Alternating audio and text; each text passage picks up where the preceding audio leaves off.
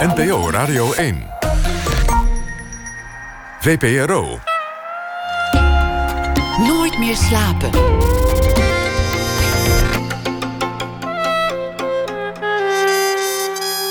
Met Pieter van der Wielen.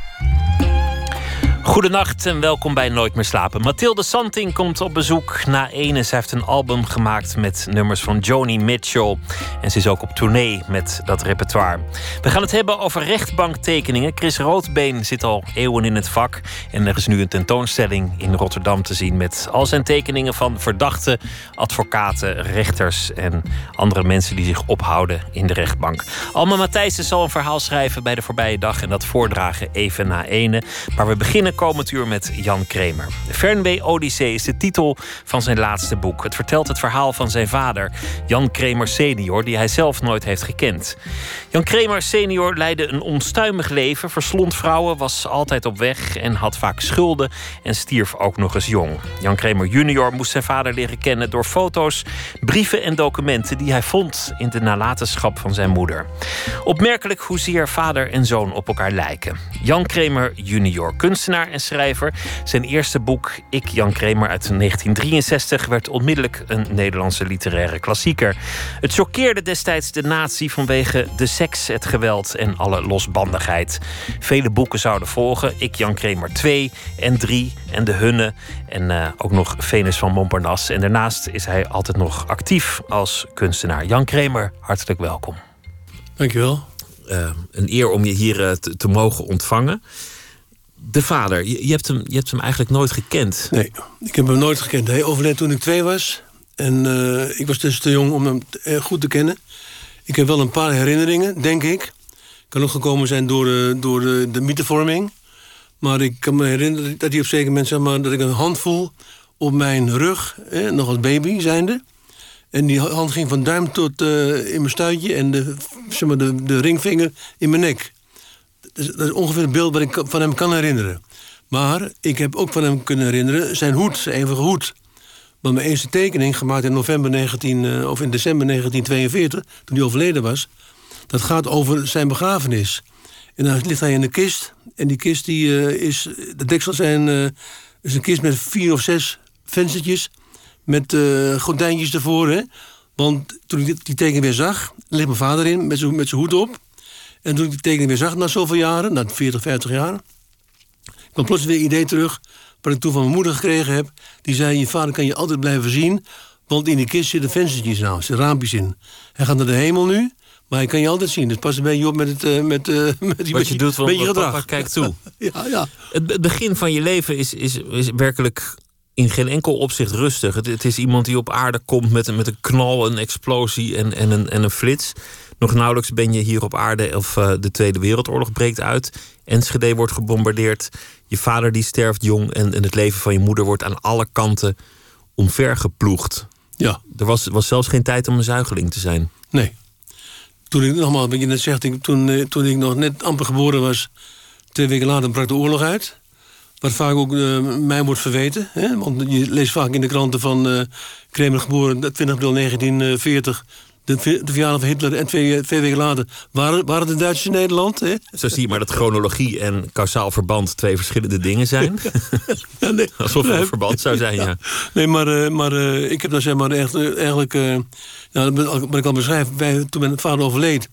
toen ging het met ons mis. Hè? Ik ben zeg maar vrij welgesteld opgevoed. Hè? Mijn vader had een grote zaak. op, in, op elektriciteitsgebied, hè? daar had hij ook knechten voor, die, die dat beheerden. Hij zelf geld op reis, hè, als je lezen kunt. En, zeg maar, en, uh, en uh, toen hij overleed, ja, toen, bleef ik achter met een moeder.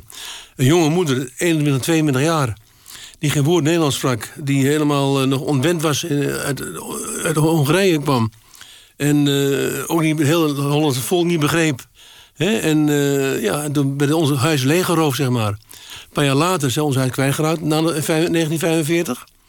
En, uh, en uh, we waren echt uh, aan het overleven, zeg maar, vanaf mijn tweede jaar. Want je moeder werd na de oorlog aangezien voor moffenhoer, zoals dat toen heette. Nou, moffenhoer niet, maar Dutch Freundlies, hè. We, waren Dutch Freundlies, ja.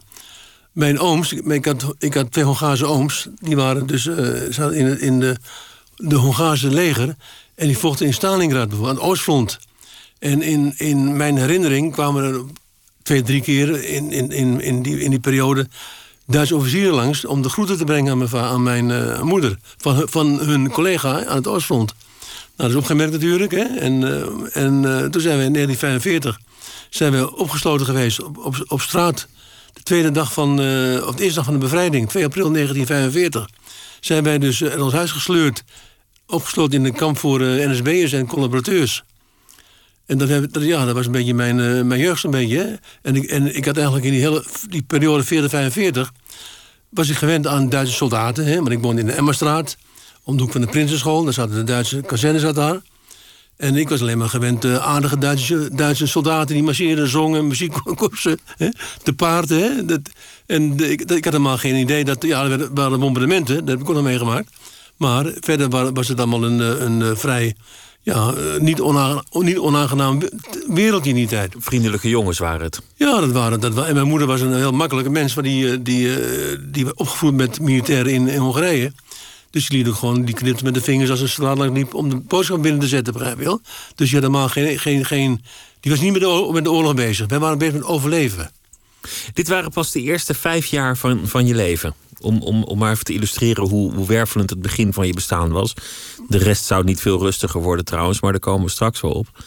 Hoe vertelde jouw moeder over, over jouw vader? Welk, welk beeld kreeg jij als kind van hem voorgeschoteld? Vrijwel niets. Mijn, mijn moeder, verzwegen? Ja, met verzwegen. Mijn moeder die, die, die, die voelde zich, en als je dat later ook, ook allemaal leest... En, en, dan, en dan weer herleest, haar brieven en dergelijke... die voelde zich totaal in de val gelokt. Mijn vader, hè, bon vivant, wereldreiziger had haar met, zijn mooie praatjes in feite eh, naar Holland toe gelokt. De oorlog brak uit in Polen, hè, 1939. En mijn moeder zat in Hongarije en dat was een familie. Hongarije in moeilijkheden in die periode. Dus zij wist op gegeven moment nog één, één uitvlucht, dat is Holland. Waarvan, mijn vader had ongeveer had uh, voorgeschreven als een paradijs. Hè. Dan kwam zij dus in Enschede terecht, of all places. Kleine straatjes, uh, benauwde huisjes. Uh, vond het verschrikkelijk daar. En, zeg maar, en toen brak die oorlog hem en mijn vader viel weg. Dus zeg maar, wij moesten, zij moest zich gaan verhuren als, eh, als, als huishoudster. Maar de naam Kramer zeg maar, bij ons thuis was in feite taboe. Ik ben niet opgesproken. Als ik, als ik over Kramer had, dan hou je mond dicht. Ja, dat, dan moet niet over praten. Was ze boos? Ja, ze was kwaad. Ja, ze voelde zich, ze voelde zich ja, hoe noem het... Uh, met, met, valse wensen naar, naar, naar, Holland toe uh, gelokt in feite. Met de mooie praatjes van een man die er vandoor ging en, en haar achterliet. Ja, met toen, kinderen en, en weinig. Kind, ik, was, ik ben de enige zoon. En toen, zeg maar, toen, mijn, uh, toen mijn, uh, mijn, mijn, ik terug geboren werd... toen was mijn vader bijvoorbeeld in Turkije op reis. Die was daar niet eens bij. Dus, ik, dus hij was helemaal alleen. Een jonge meid van 20, 21 jaar. Ja, die ook niemand kende, zeg maar. Hè. Dat, dus, dus, dus altijd de naam Kramer ook door zijn gedrag, hè, door zijn, uh, want, want Kramer altijd besproken, vooral in Enschede, van uh, nou, die, die doet maar, hè, dat, dat, die mentaliteit. Een schuinsmarcheerder. Ja, niet, niet, niet alleen dat, maar die gaat op reis, die gaat naar Parijs, die gaat, of die woont in, in Spanje, wat dan ook. Hè. Die, die, mijn vader was altijd, altijd weg. Altijd, altijd, ik ben ook altijd weg, maar hij was ook altijd weg.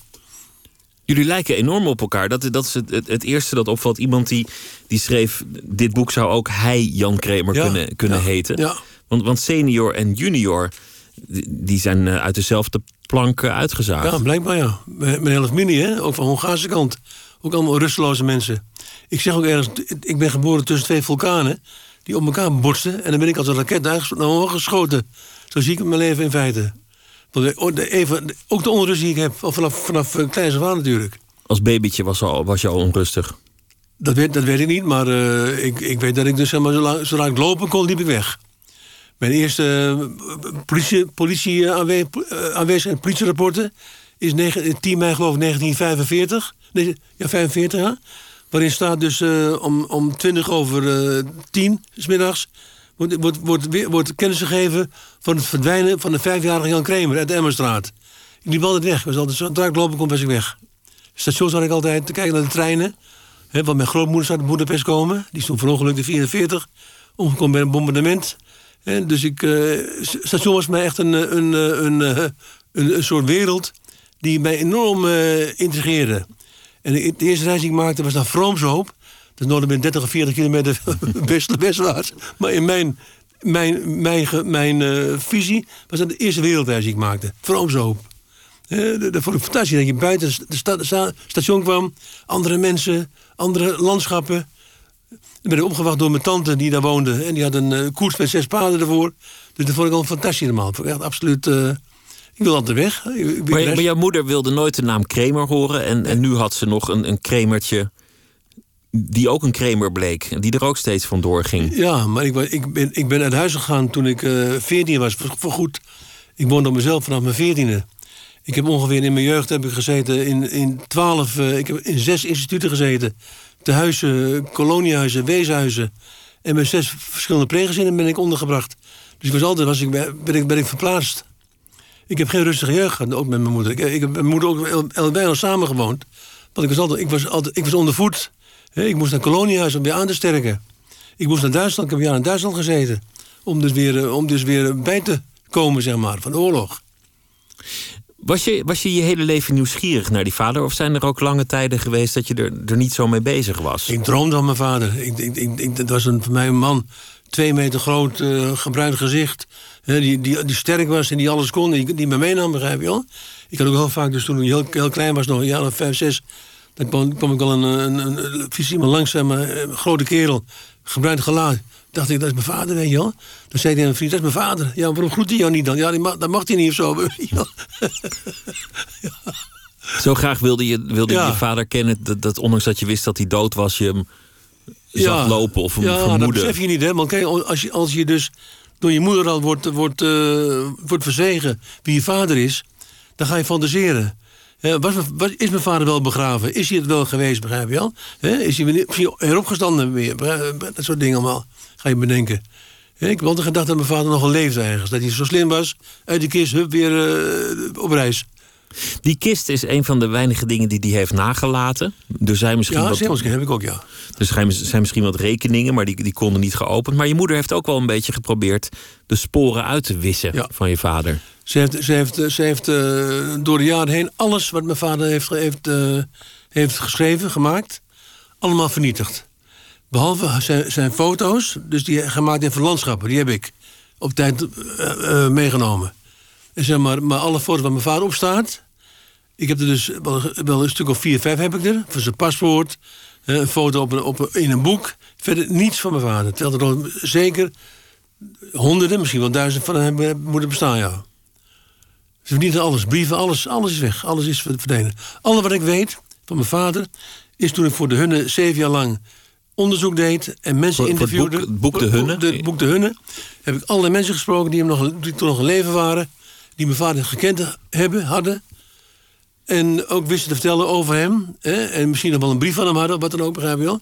Alles heb ik dus kunnen verzamelen. Niet door haar, maar weer op, op andere sporen. Om hem eigenlijk weer eh, uit de vergetelheid te onttrekken. Om, om, om dat uitgewiste bestaan weer opnieuw te tekenen. Ja, maar kijk, mijn, mijn, mijn vader werd zeg maar door zijn levenshouding. Ehm, toch altijd een beetje door slijk gehaald. En door zijn vrije, vrije geest. Dus veel vrouwenaffaires waarschijnlijk ook. Dat speelt misschien ook mee, hè? Het, was een, het was een liefhebber van vrouwen. Een, Ja. vrouwenverslinder, mag je wel zeggen. Ja, dat kun je zeggen. Maar, eh, maar je kunt ook, ook, dat ook zien als een soort eh, zoek, eh, zoektocht naar, naar, de, naar liefde. Naar een echte liefde. Want mijn moeder en mijn vader hebben elkaar amper gekend. Ik bedoel, in de drie jaar, tweeënhalf, drie jaar dat ze met elkaar waren. Nou, kun je, als, je, als je zijn reizen nagaat, eh, is je ongeveer daarvan anderhalf jaar op reis, geweest. Hè? Dus moeder heeft het niet vaak meegemaakt. Dus ze verstonden, elkaar ook niet. Zij sprak Hongaars, Oekraïens en, en, en Nederlands en Duits en Frans. Zij sprak een, een, een, een, een heel vreemd Duits. Waarvan ik pas wist, een jaar of tien geleden, dat dat Zwitser, Zwitserduits was. Hè? Want toen bleek dat zij dus in Adelbode haar jeugd had doorgebracht. Wat ik nooit geweten heb. Hè? Dingen die ik ook niet wist. Allemaal die door, door, haar, door haar verdwijnen of eh, eh, over, overlijden...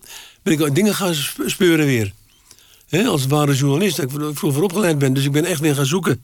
Nou, ook naar mijn verleden van mijn, van mijn moeder.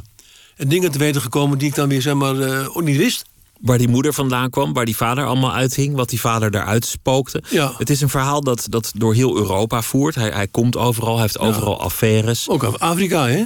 Hij, hij is uh, in, in oorlogen geweest. Hij heeft uh, merkwaardige projecten gehad die, die, die al dan niet lukten. Soms had hij schulden, soms was er rijkdom. Ja.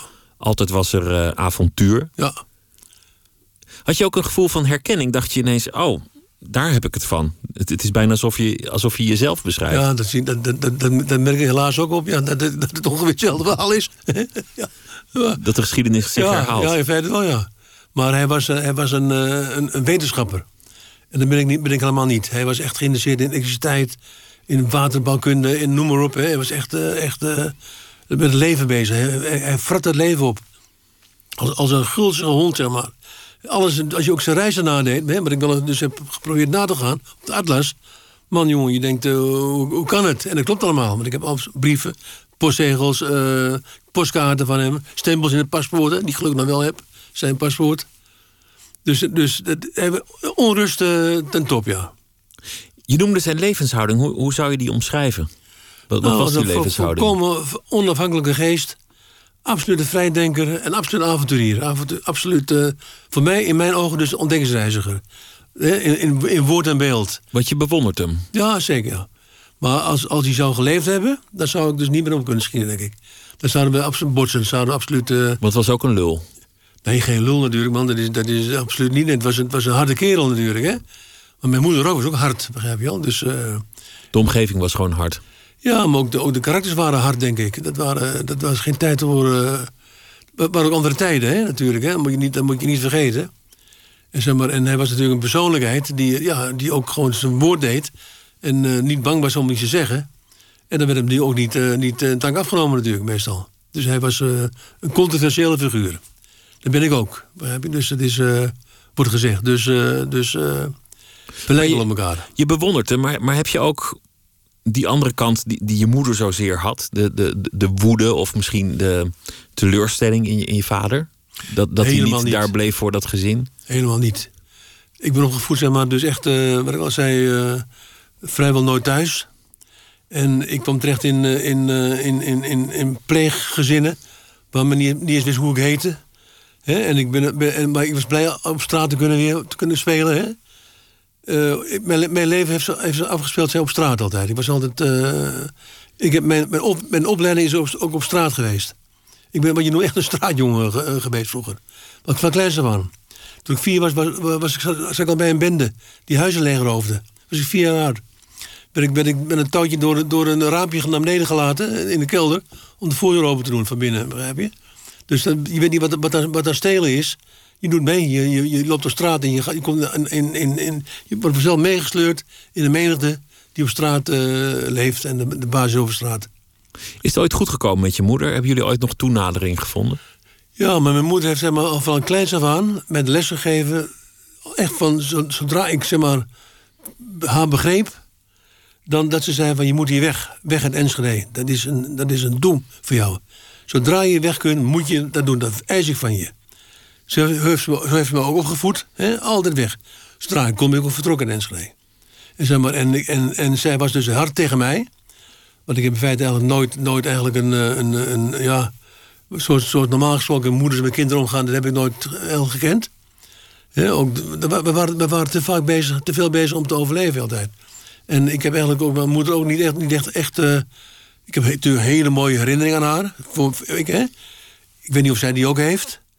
Ik bedoel, zij heeft uh, mij altijd min of meer beschouwd als, uh, als uh, de, ja, de reden waarom ze, waarom Nederland is. Hè? Want hij is, ze kon niet meer terug. En, zeg maar, en in feite heeft ze me altijd ja, de, de deur uitgewezen, zeg maar. En we belden elkaar vaak. Maar als wij wereldwijd belden, ik belde er altijd op. Elke week sowieso. Maar als ik, als ik lang, langer dan een minuut met haar sprak was het een heel lang gesprek, ja. We deelden eventjes of we gezond waren, of er iets gebeurd was. Nee, nou, dat weet ik, ja. Dus we hebben niet echt een warme band, zoals het heet. Nee, zo klinkt het niet. Nee, klinkt het niet, nee. En, en was het ook niet. En, zeg maar, en, en, en nogmaals, uh, ik werd door haar altijd min of meer weggestuurd. Zelfs mijn boeken niet, hè? want, uh, want uh, door mijn eerste boek ontstond een enorme rellen, stenden, noem maar op werd een huis in brand gestoken op mijn verjaardag. En werd zij op een gegeven moment met de muren besmeurd. Dus dat was echt uh, slachtoffer, Enschede. Ik, was, ik zat in Amerika, of was op weg naar Amerika. En zeg maar, en, eh, dus zij weet eigenlijk haar ongeluk. Hè, na de oorlog zeg maar, meer aan mij weer. Mijn, Ze heeft het in- je verweten. ja, en ook met de hè. Ik had een tentoonstelling, dat was in 58 al. Dus zes jaar voor mijn boek verscheen. Ook die maakte ophef hè, met de tentoonstellingen. Oh, En dat vond ze allemaal maar... eh, maar eh, terwijl, ze, terwijl ze... Mij ze helemaal, eigenlijk in feite helemaal... eh, ja, wat ik deed, niet, niet in de zand. Hè, die, die, maar, maar ze was wel geïnteresseerd in literatuur bijvoorbeeld. Ze las heel veel, hè. Ze sprak gebrek aan Nederland, maar ze, kon, eh, ze las eh, de meeste Amerikanen, moderne schrijvers. Vestdijk was een beetje een expert in. Maar met mij sprak ze nooit over kunst, over literatuur. Never. Wel toen klein was, hè.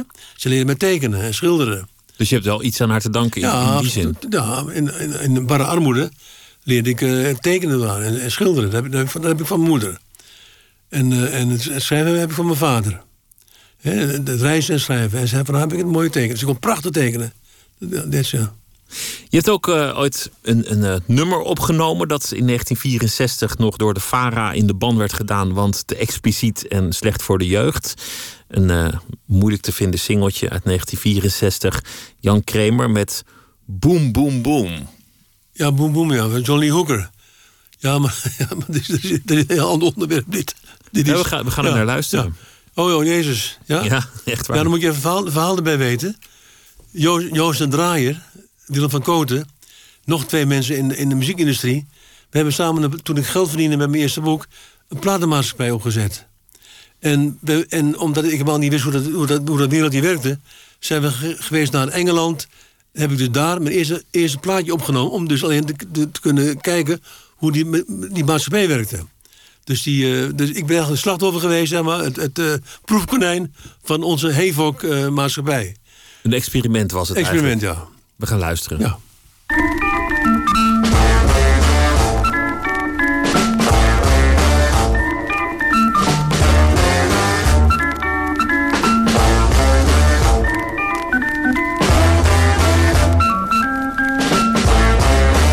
Boom, boom, boom, boom. I'm gonna shoot you right down, right off of your feet. I'll take you home with me, put you in my house. Boom, boom, boom, boom. How, how, how, how. I love to see you drop up and down the floor when you're talking to me. That baby talk. I like it like that.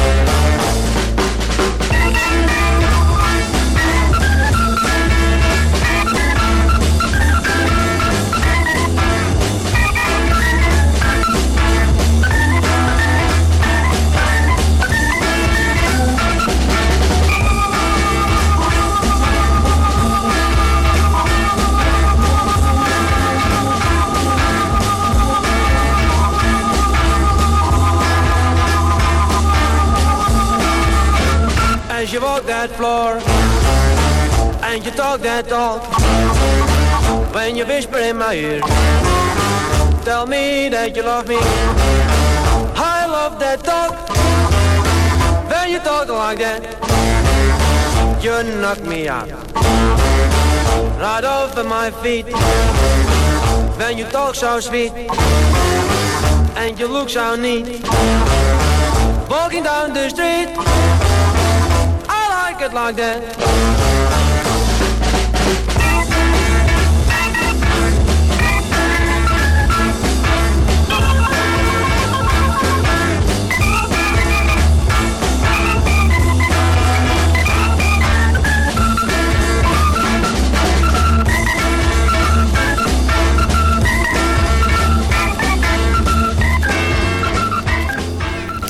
Boom, boom, boom. Jan Kramer zelf, zijn versie uit 1964. Nooit meer slapen in gesprek met Jan Kramer... naar aanleiding van het boek over zijn vader Odyssee. Het, eh, je noemde het al, ik Jan Kramer. Het was eh, zo de eerste helft van de jaren 60.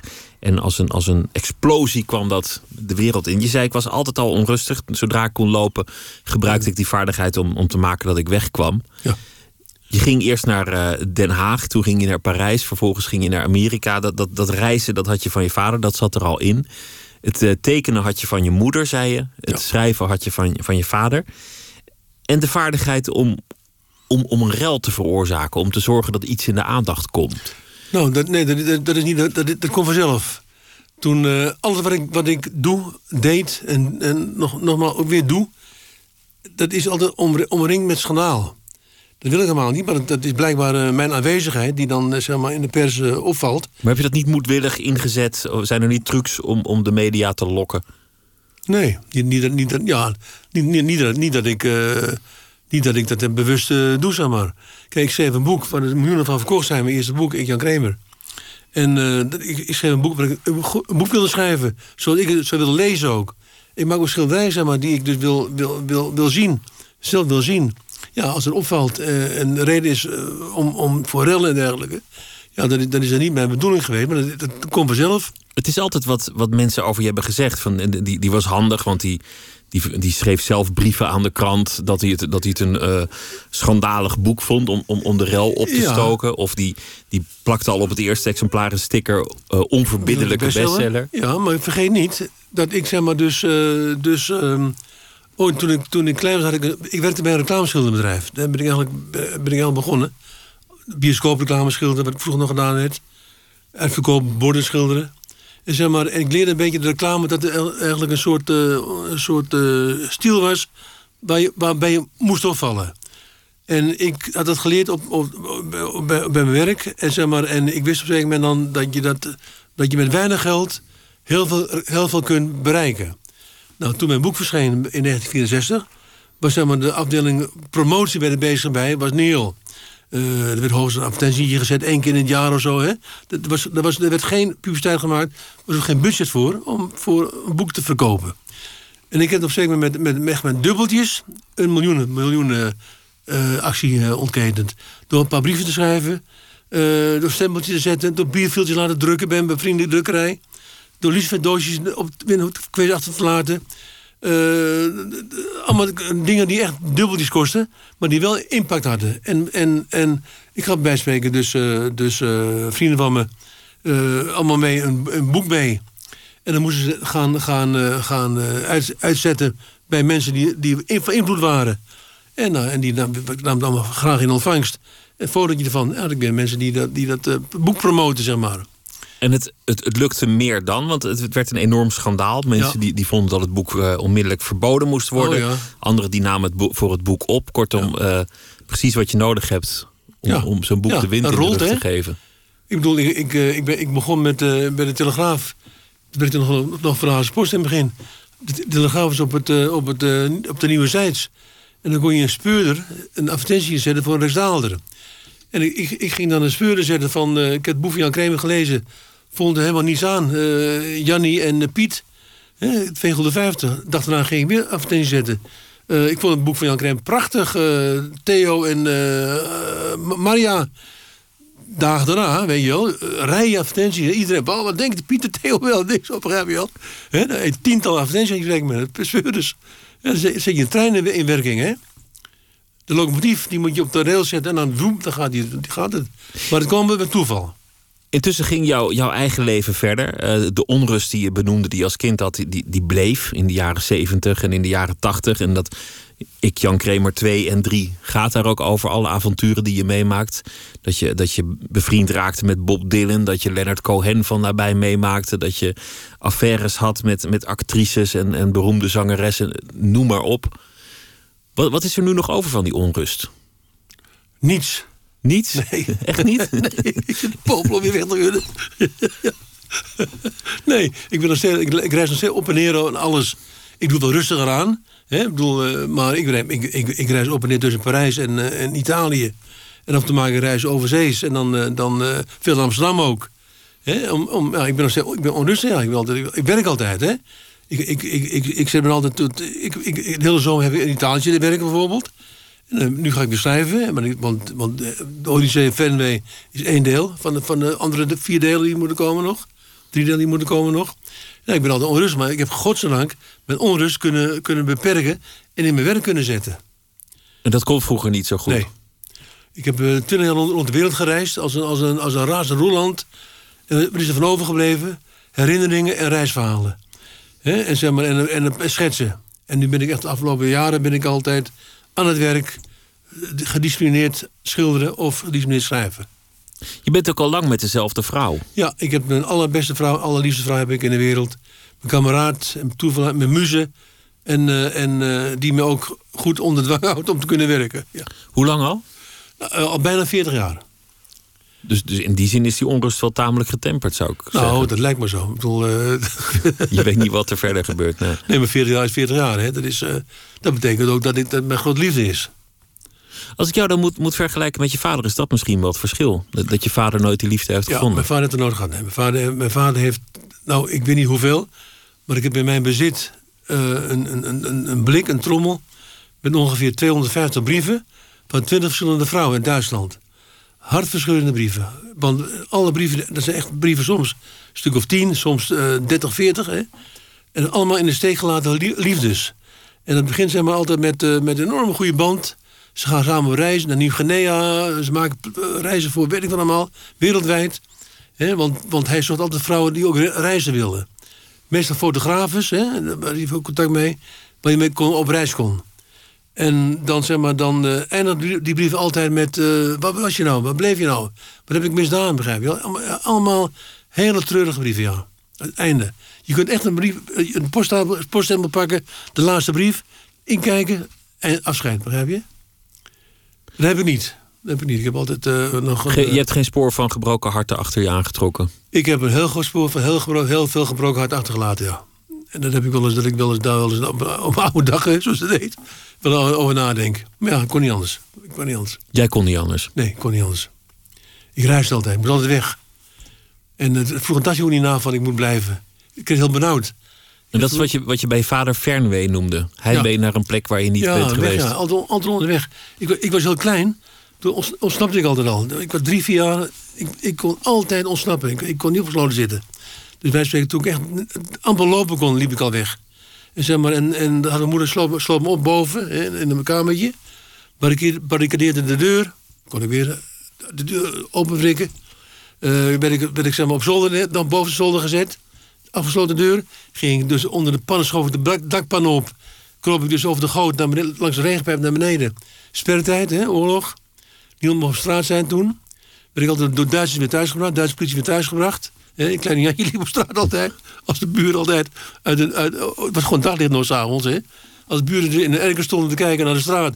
Ja, wie liep daar? Duitsers daar? Jantje Kremer weer liep daar rond, hè, weet je. Dat, dat was de essentie van, jou, van jouw karakter. Ja. Een spoor van gebroken harten achter je aangetrokken. Maar, maar is je eigen hart ooit eh, gebroken geweest?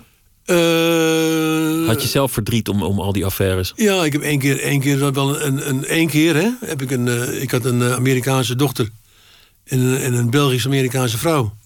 En eh, dat, ging, dat ging uit, hè. En toen heb ik in feite eigenlijk dus, eh, mijn was, zes, die was zo'n zes jaar, waarmee ik in Amerika zeg maar, toen woonde, en ongeveer elke dag eh, zag en mee omging. Ja, dat, die, die, die mis, miste ik toen, begrijp je wel. Maar goed, dat was de enige keer dat ik echt daarmee geconfronteerd ben in mijn leven. Dat je je kinderen achter moest laten? Ja, een kind. En, eh, en, In dat en- geval, ja. Ja, mijn dochter. En, zeg maar, en, en eh, dat heeft me toch wel drie jaar gekost, denk ik. Ja, drie jaar gekost. Dat ik eraan dacht, weet je wel. Ben je een goede vader geweest? Voor de kind ben ik een heel goede vader geweest. En voor me, ik heb, een- we hebben een zoon, ben ik ook een hele goede vader voor, ja. Maar ik laat ze me rusten, hè. Ik laat ze met... eh, voor de kind, voor die dochter ben ik een heel goede vader geweest, ja. In Amerika was dat. Maar je zei erachteraan, ik laat ze met rust. Ja. Ik, ik, ik, ik, ben niet, ik ben niet een strenge vader, zeg maar. Ik ben, ik ben, ik ben, eh, ik ben, eh, vrij, ik ben, ik ben zeer gedisciplineerd. Dus de orde en tucht ben ik voor. Hè? Dat is, dat is, zo ben ik ook opgebracht. En, zeg maar, en, eh, maar ze hebben mij ook heel veel vrijheid. Maar ik ben niet echt een vader die zeg maar, dus, eh, naar de speeltuin gaat of zo. Dat heb ik nooit gedaan, nee. En nu heb je contact met je kinderen? Ja, zeker. hè. Met, met, ik heb mijn dochter en mijn, eh, mijn, mijn zoon, ja. Mijn jongste zoon. In die zin ook wel rustiger geworden, lijkt het dan. Wat? In die zin ben je ook wel rustiger geworden. Dat, je- dat je daar niet meer, niet Nou, die, meer zit- van die, zit, die zit in het buitenland, hè? die ziet dus nooit. Ik bedoel, de ene, zit- de ene woont in L.A. en de andere die woont in België nu. En daar heb ik dus zeg maar, eh, niet, daar heb ik minder contact mee. Maar met dus mijn zoon uit eh, Amerika heb ik heel veel, veel contact, ja. Maar die werkt te hard en die komt ook toe over naar, even naar Nederland. En die heeft eh, ook zijn eigen baan getrokken. Hoe kijk je terug op je eigen oeuvre? Ik, Jan Kramer, was, was een explosie in de Nederlandse literatuur. En daarna ben je eigenlijk altijd blijven doorwerken. ook aan de, aan de kunst. Dat was in 58 de explosie dat je, dat je voor het eerst exposeerde. Ja. Ook altijd door blijven Ja. buffelen. Wat was de tijd dat, dat je echt je, je stem vond als artiest? Nee, in 58 toen ik toen begon. Dus niet, pa- niet pas later gekomen dat je dacht, nu, nu weet ik echt wat ik aan het doen ben. Nee, ik ben, nog- ik, ik ben nog steeds zoekende, zoals het heet. Ik ben elke dag dat ik naar mijn atelier ga en achter mijn ezel sta, ben ik weer zoekende. En hetzelfde heb ik met schrijven. Ik vind het heerlijk om te werken. Ik vind het heerlijk om te schrijven. Ik vind het heerlijk om te schilderen. Maar het zijn altijd, altijd weer harde, harde, ar- ar- zware arbeiden. En ik, eh, ik weet niet of je mijn schilderij kent, maar ik ben, dat is mijn, Zeker, echt, ja. echt zware arbeid. Maar ik vind het heerlijk. En dat, dat is echt, eh daar sta ik mezelf ook op. Ik gewoon, eh, dankzij mijn vrouw, die, eh, die ja, dat mij toch wel wijst dat ik toch moet, moet werken. En dan, dan heb ik echt zeg maar, ook nog wel zin in om te werken. En dan heb je wel rust. Nee, niet jongen. Dat, dat, dat kan, dat kan ik dan kwijt op mijn doeken en, en, en in mijn schrijven. Dus dan hoef je niet weg. Hoef ik niet weg, nee. Het enige verschil met, met, met rustloze reizen is nu dat ik het kan doen in mijn atelier en in mijn schrijfhoek. Ik, heb, ik had, het schrijfhoek tot het begin van het jaar in, in Parijs. Afgelopen 22, 22, 23 jaar. Dan schreef ik al mijn boeken. Maar, in Italië heb ik een atelier, gewoon een werkplaats op een berg. Daar schilder ik. Ik heb de hele zomer geschilderd bijvoorbeeld nu, afgelopen zomer. Nu ga ik beschrijven. En hoe, hoe lang ben je met zo'n boek bezig? Want dat is toch ook meestal een flinke klus. Ja, nou, Doe je dat ook in, in één keer of, Ja. of is dat een langer project? Nee, ik, ik, nee, nee, nee, ik, kan, ik, ik kan één ding tegelijk. Of schilderen of schrijven. Als ik ga schilderen heb ik altijd zo'n periode van drie maanden. Neem ik ervoor, 100 dagen ongeveer. En hetzelfde gaat voor schrijven in feite. En zeg maar, en, eh, maar dan ben ik, echt, ben ik echt nergens meer. Dan ben ik echt aan het werk. Hoogstens even af en toe naar buiten, maar niet, eh, dus er komen geen onderbrekingen in. Want dan gaat mij, alles gaat voor. Ik, ik, ik ga ermee slapen, ik sta ermee op. Als mensen in der tijd zeiden dat ze het een schunnig boek vonden, of dat ze, dat ze het pulp vonden, of dat het, dat het geen hoge kunst was, dan deed jou dat niks. Nee. Dat, dat, dan, dan, dan lachte je daarom, of dan gleed het van je af, of je, soms had je er zelfs plezier in. Ja, nog die steeds kritiek. hoor. Nog steeds. En als mensen zeggen dat je een fantast bent en dat het allemaal overdreven is, Ja, laat me zeggen. Dat interesseert je ook niks? Nee, nee, nee. nee. Ik, bedoel, ik bedoel, dat vind ik heel dom, moet ik zeggen. Want kijk, tegenwoordig heb je dus eh, allerlei, eh, allerlei eh, media... waar je bij zijn historie kunt op, op, op tikken. Hè, op kunt zoeken. Delver heb je bijvoorbeeld, hè, Koninklijke Bibliotheek. Nou, dan kom je heel veel dingen kom je daar tegen. En zeg maar, ik, ik, mijn, mijn motto is altijd geweest... de historie zal het uitmaken. De historie zal het uitmaken. of het allemaal waar was. Ja, of het allemaal waar was. En je kunt alles mij, alles vinden, hè, als je goed eh, zoekt... hè, op, op, eh, op, eh, op, op, op, het, eh, op internet. Heb je nooit de drang gehad om, om, om, om het te bewijzen? Om, om de documenten onder mensen hun neus te Nee, schuiven en te zeggen: zie je wel, ik was Nee, daar, het kom, is zo kom gegaan. Er komen mensen mee. Er komen andere mensen mee mee. Begrijp je? Als ik het tegenkom, dan zal ik het niet, dan zal ik het niet weggooien of niet wegstoppen. Maar ik gebruik het niet, nee. Ik heb het, eh, ja, andere mensen die, die, die gebruiken dat. Tot een verbazing meestal. En die komen met documenten terecht. Het is mooi boek van mij verschenen. Brief, brief van Jan Kramer. Prachtig boek. Echt prachtig erg boek ook. En daar staan heel veel, heel veel documenten in. Die de, die de, die de, toen de, die sleutelaar toen heeft eh, verzameld. Ook mijn eh, brieven met de met justitie, en met noem maar op. Allemaal, eh, maar ik sta al vanaf mijn, van mijn jongste jaren... stond ik onder de Rijksvo Rijksvoogdij. Hè? Dus ik was, eh, mijn mijn moeder kon niet voor me zorgen. Dus ik was, onder, ik was rijkspupil, heet dat officieel. Dat heb je ook beschreven in het eerste boek. Met, Ja. met alle seksuele avonturen die, die daar al in de, in de Ja. inrichting plaatsvonden. En Nou, geen al het kattenkwaad. Ja, hoe noem je dat eigenlijk? Ja, thuis, instelling. Thuis, thuis, ja. Ja. ja. ja. En, eh, en eh, ja, maar goed, daar heb ik ook, heb ik ook eh, goed eh door geleerd. Ook, ook de ontsnappen, hè. Dan, bij spreken moest ik bij de kinderrechter komen, melden. En dan zei je, nou, je moet maandag klaarstaan met pyjama en je tandenborstel... voor, omdat je opgehaald door de pakketwacht voor een observatiehuis, hè, heet het dan. Zei ik, hoe laat moet het zijn? Hij zei, acht uur klaarstaan. Ik zei, heel goed. Dus dan zat ik op acht uur die maandagmorgen in Parijs of zo, of in Marseille. Maken dat je wegkomt. ja, nee. Je bent En eh, stuur- ik een kaartje, kaartje naar hem. Een dikke pret natuurlijk. Ik wil eh, een, een nummer draaien van Bob Dylan, met, met wie je bevriend bent, bent geraakt. Wat was dat eigenlijk voor, voor vriendschap? Nou, hoe, dat, hoe dat was, dat was, jullie? nou, ik heb voor hem gemaakt een, een, een, een, eh, omslag voor een, eh, een, een boek van hem, een gedichtenbundel. Tarantula, dat volgens mij nooit verschenen is. En voor een, voor een LP. En wij zaten in hetzelfde hotel, hetzelfde huis, het Chelsea Hotel. En we waren niet echt bevriend, we waren even bevriend, we kenden elkaar. Eh, hij was bonderaaf met met mijn schilderij. Hij was de eerste koper van mijn schilderij van in Amerika. Eerste koper. Ik kocht met een groot, groot doek. En zeg maar, en, eh, en eh, we gingen met elkaar... Ik ben met hem meegeweest met allerlei concerten in het begin. Ik geloof in 67, geloof ik zo, 67. Daarna zijn we elkaar het oog verloren, weet je. Dus heb ik niet meer... is mijn wereldje niet, de muziekwereld. We gaan luisteren naar eh, I Want You van Bob Dylan.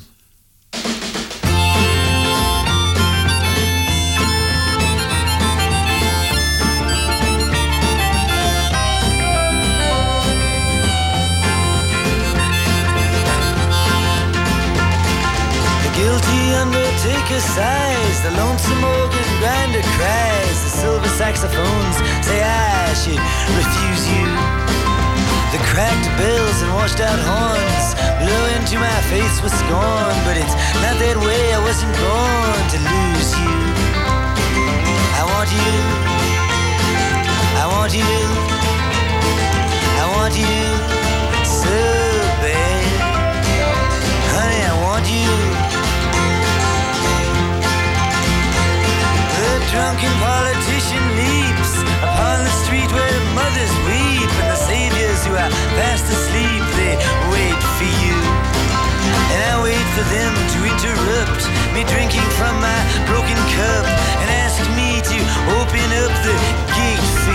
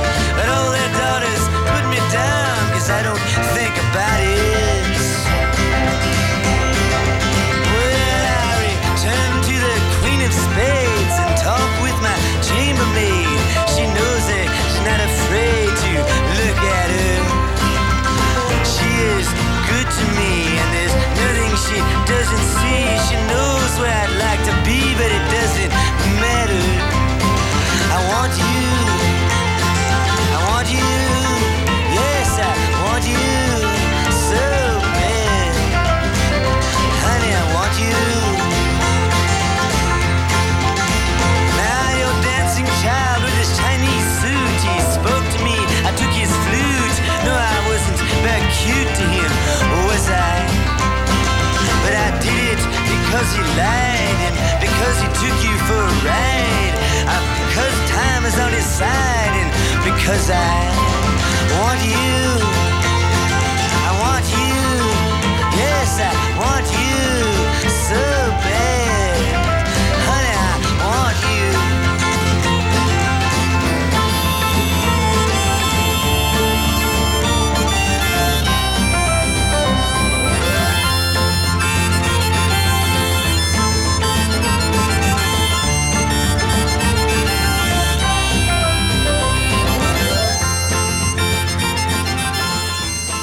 Bob Dylan, I Want You uit de jaren 60. In de tijd dat Jan Kramer nog even vluchtig met hem omging.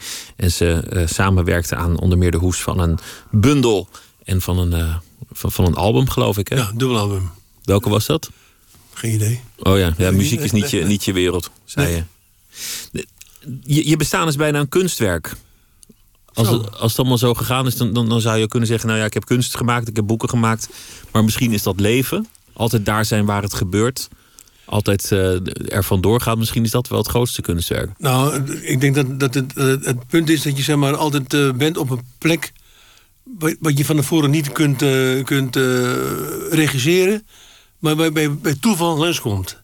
Hè, dat, dat is dat niet bewust, maar eh, onbewust kom je dus in goede plekken. Hoe werkt dat dan? Ja, dat, dat, dat is, omdat onbewust is, weet ik niet hoe dat werkt natuurlijk. Dat, dat is, eh, Maar hoe kom je op die plek? Hoe, hoe beslis je waar je heen gaat? Ja, dat, is- ja, dat is, dat is, dat is, dat is gewoon toeval. Toeval, dat je echt plotseling ergens zit eh, waar de actie is. Hè, waar de action is. Dat is, dat, dat is helemaal toeval. Die, nou, dan ben ik hier, begrijp je wel? Op de vlucht voor de verveling kwam je altijd op de goede plekken. Nou, niet, niet eens verveling. De, de, de, de liefde voor eh, het leven. Ik heb een enorme liefde voor het leven. Voor, ik, ik wil alles meemaken ook. Alles mee, eh, voelen, zien. eh, hè? Zelfs mijn vader had in feite.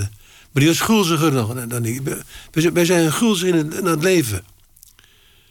Ik- Ik ben al goddomme 76. En, eh, en eh, ik denk dat het nog beginnen moet steeds. Ik denk, ja, ik ben aan het begin van wat ik, wat ik wil doen. Ik maak alweer hele mooie schilderijen, hele goede schilderijen maak ik momenteel. Hè, wat ik allemaal niet heb kunnen doen door het reizen. Hè, ik heb nu kunnen, ik maak echt enorme doeken ben ik aan het maken momenteel. Maar die gulzigheid, er komt ook een moment dat, dat misschien het lichaam niet meer wil. Of, of dat je voor je ziet dat de tijd niet meer oneindig is. Of maakt Nee, dat je alleen gulziger? Nee, ik, word, eh, ik ga nu op 120. En dan kijk, ik- dan kijk ik wel verder, begrijp je wel. En gelukkig nog uh, kerngezond. Dus eh, eh, ik leef gezond. Ik, eh, en ik, eh, ik, eh, ja, en ik denk dat het werk je ook bezighoudt. Je geest, geest wel goed houdt, hè. En ik ben, ben ik, echt, ik ben echt nog, nog in de staat dat ik denk... nou, morgen maak ik, eh, moet ik weer beginnen. Ik, ben, ik, ben, ik sta nog aan het begin van mijn carrière. Je wil nog een, een trilogie maken van deze Odyssee? Van je Ja, geen, dat heet... Dat heet eh, het worden vier delen worden dat. Oh ja, ik weet niet hoe dat heet. Ja, kwadrologie of zo. Ja, vermoedelijk. Ja. ik vind het goed. In ieder geval, als het niet zo is, is het nu zo. En, en natuurlijk ook eh, je doeken, die, die, ook, die ook groter en, en, en woester lijken te worden. Ja. Nee, nee. Ik ben begonnen in, in eh, 1957 met een, met een, eh, een, een, een, een schildertraditie die Penturbarisme heet. Door een Franse vriend van mij in die tijd zo genoemd. En ik heb academisch gedaan, bliksembezoeken, academisch. Arnhem, Den Haag, Parijs. En zeg maar, en ik, wat ik da- daar leerde op de academisch, kun- kunsthistorie en dergelijke, dat vond ik niet interessant. Ik denk, ja, dat, dat, dat doen dus duizenden mensen al eeuwenlang. Ik wil het veranderen. Dus ik ben dus, ik ben dus tegen het raad gaan werken. En de schilderijen die ik maakte waren dus, zeg maar, dat noemde ik pentuur van een barbaar, barbarisme. En, zeg maar, en dat, doe, dat, maak doe ik nog steeds. Af en toe, dan tussendoor maak ik bijvoorbeeld eh, werken. In Amerika ging ik tulpenvelden zitten schilderen. eh, in de jaren zestig.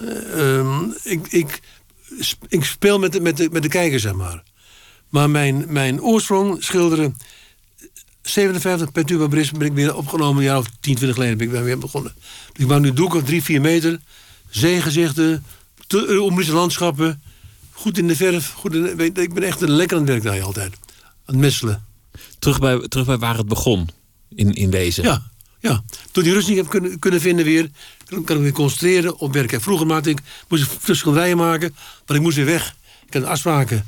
Hè, of, of ik, woon, ik woon ook overal. Ik woon in Stockholm, ik, woon- ik weet ik allemaal gewoond. Man. Ierland, Dublin, Kinsale. Ik was altijd onderweg. Op weg van, ik leefde in een koffer. In een plunjezak leefde ik vroeger. En daarna in een koffer. En eh, altijd onderweg, ja.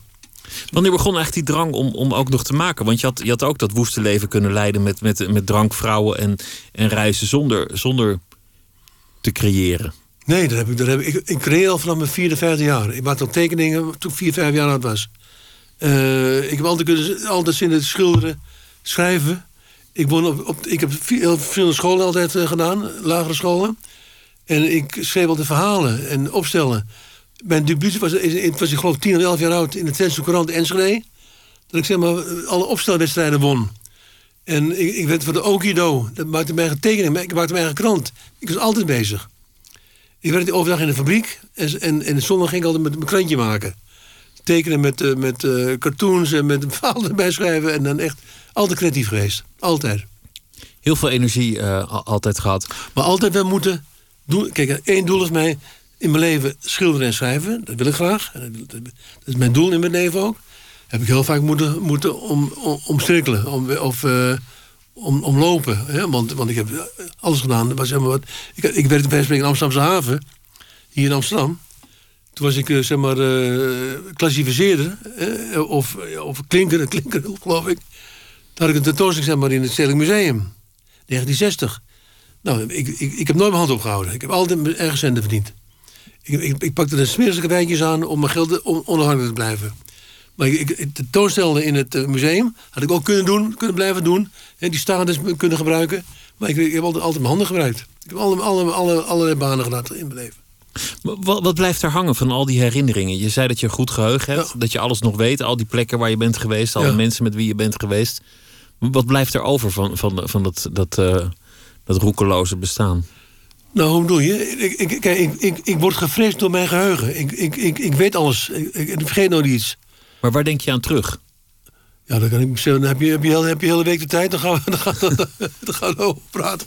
Nee, ik, ik, eh, ik denk, eh, nee, daarom kan ik ook schrijven. Want bijvoorbeeld één, één, één, één paar trefwoorden, eh, die, die bekijk ik. En, en ik maak altijd notities altijd. Trefwoorden, schetsjes enzovoort.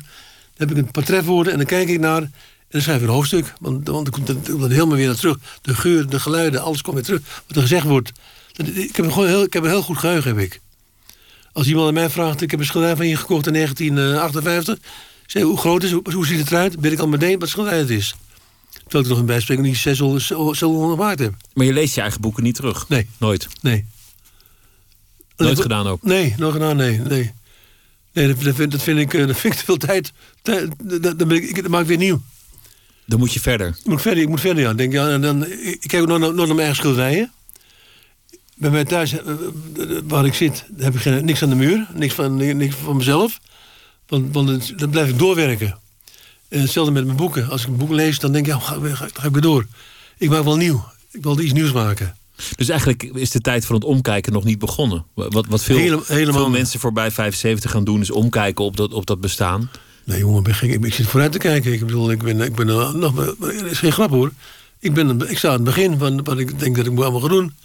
Ik heb, ik heb nog zoveel ideeën, nog toneelstukken, eh, boeken, schilderijen veel. Allemaal nog eh, beeldhouwwerken. Ik ga nu beeld, beelden maken. Ja, ik ben allemaal echt achter, achter aan het werk altijd. Ja. Wat heeft het bestaan je geleerd? Eh, vroeg, vroeg opstaan, hard werken, lekker geopvloed. Nee. nee. We staan mij geleerd dat je je doel moet nastreven. Als jij een doel hebt, eh, van kleins af aan... en je hebt talent die iedereen heeft, iedereen meekrijgt... dan moet je het gaan gebruiken. En niet geen omwegen. En niet, niet verschuilen voor je talent. Dus je doel nastreven, hoe het ook is. Ja? Heb, heb jij je wel eens verscheld voor je talent? Want, Nee, want je, je leek zo onrustig. Ja, nee, nee ik, ik, weet, ik weet wat ik wilde doen. En, zeg maar, en toen, ik zal je zeggen, toen ik, toen ik een jongetje van vijf jaar in de kamp zat... met een kaalgeschoren kop in een, in, een- in een eh, kooi met stro... en toen dacht de jongen, als ik, ik kan nu al schrijven, ik, leer nu schrijven... Ik ga alles onthouden. Alles wat wat mij overkomt, ga ik onthouden en ooit een keer gebruiken. En dat is helemaal, helemaal mijn streven in mijn leven, ja. Ooit ga ik dit gebruiken. Ooit ga, ga je van me horen. We begonnen met, met het begin van jouw leven. Die, die, die, die enorme explosie. Net, net een week oud en de oorlog breekt uit. En, en twee jaar oud en, en de vader overlijdt. En, en de moeder die, die wordt, wordt, eh, wordt het leven ingeslingerd en haar huis uit, uitgegooid. Misschien is dat, is dat in wezen ook wel waar je hele bestaan over is gegaan. Over, over die, die oerknal als het ware. Nou, die, die kijk, mijn, mijn, mijn moeder, je moet, dat beschrijf ik ook. Mijn moeder werd zeg maar bedreigd. Hè, we- zodra wij, in Enschede, zodra zeg maar, wij, eh, oorlog hè, 45, huis kwijt, armoede, op straat staan wij. Dan moet je je voorstellen, dus een, een, een vrouw uit een hele goede familie in Hongarije. Opgegroeid met kokkinnen, met huisknechten, noem maar op. Hoge militaire ouders, eh, eh, grootvader. Onderscheiden. eh, oorlogshelden in feite. Die komt dus in Enschede terecht. Mijn vader valt weg. Ze blijft achter. We worden, we worden beroofd, leeggehaald, leeggeroofd. Nergens kon ze, we geen centen voor advocaten, wat dan ook. Helemaal niets, we waren 0,0. Helemaal geen centen. En, zeg maar, en waar ze ook aanklopten, werd ze weggestuurd. Wij, werden gezien als Duitsers, hè, nog, niet vergeten. Dus wij stonden in winkels altijd, achteraan werden we behandeld. Hè, en eh, we werden echt, echt niet goed behandeld. En, zeg maar, en zij heeft toen een wrok, heeft ze, op, heeft ze dus, zeg maar, in haar dus ontstaan, wat ze heel, heel leven lang heeft volgehouden. Hè, die, die in haar zat. En mij, zeg maar, heeft ze ook in feite nooit eigenlijk, eigenlijk Kijk, in het begin zei ze wel tegen mij van eh, je moet hier weg. Hè? En dat was echt haar, haar, eh, haar, motto.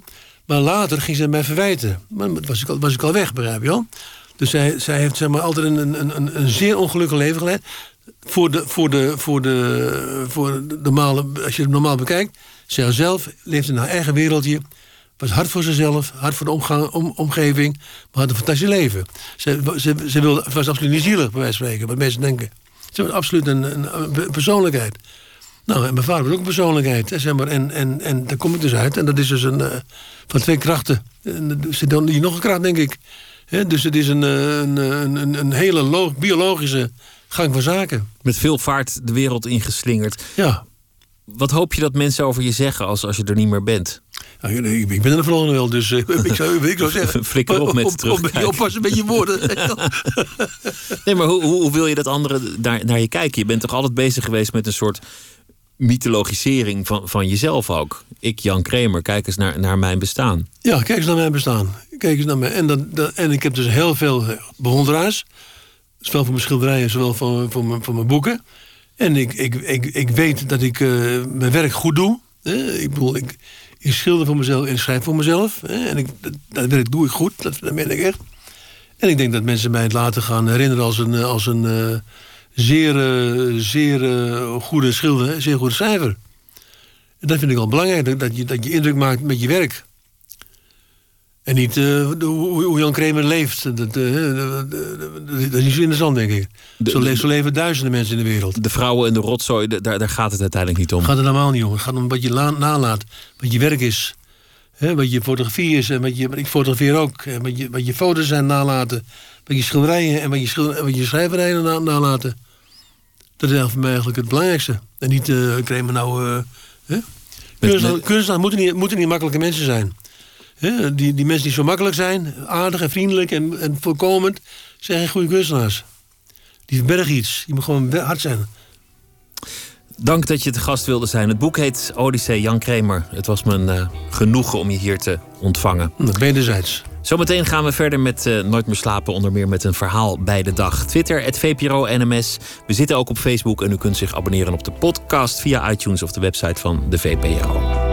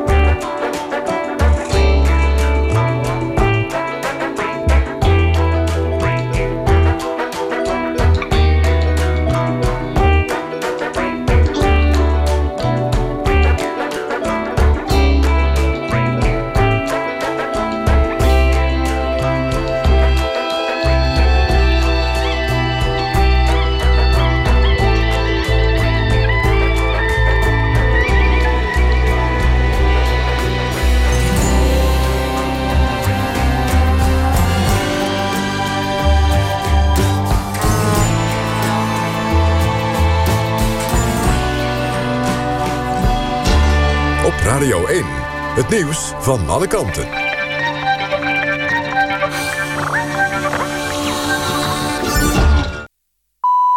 1 uur, Kirsten Klomp met het NOS-journaal. Meer dan een miljard mensen die Yahoo gebruiken... zijn slachtoffer geworden van een hack.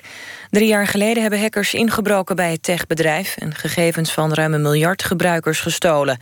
Het gaat om namen, e-mailadressen, telefoonnummers... geboortedata en wachtwoorden. Yahoo weet niet wie erachter zit. Een paar maanden geleden maakte het bedrijf ook al een grote hack bekend. Die was in 2014. Toen werden 500 miljoen accounts gestolen. Net als toen zou er dit keer geen creditcard of bankgegevens zijn gestolen. De SP-fractie in de Tweede Kamer blijft in stand. Dat heeft partijleider Roemer gezegd... na afloop van de extra fractievergadering... over de anonieme kritiek op zijn leiderschap. In het Algemeen Dagblad klaagden enkele SP-kamerleden vanochtend anoniem over Roemer. Die noemde de anonieme kritiek buitengewoon laf. De vergadering heeft niet duidelijk gemaakt wie er met de krant heeft gepraat. Volgens Roemer gaat de fractie als één man verder.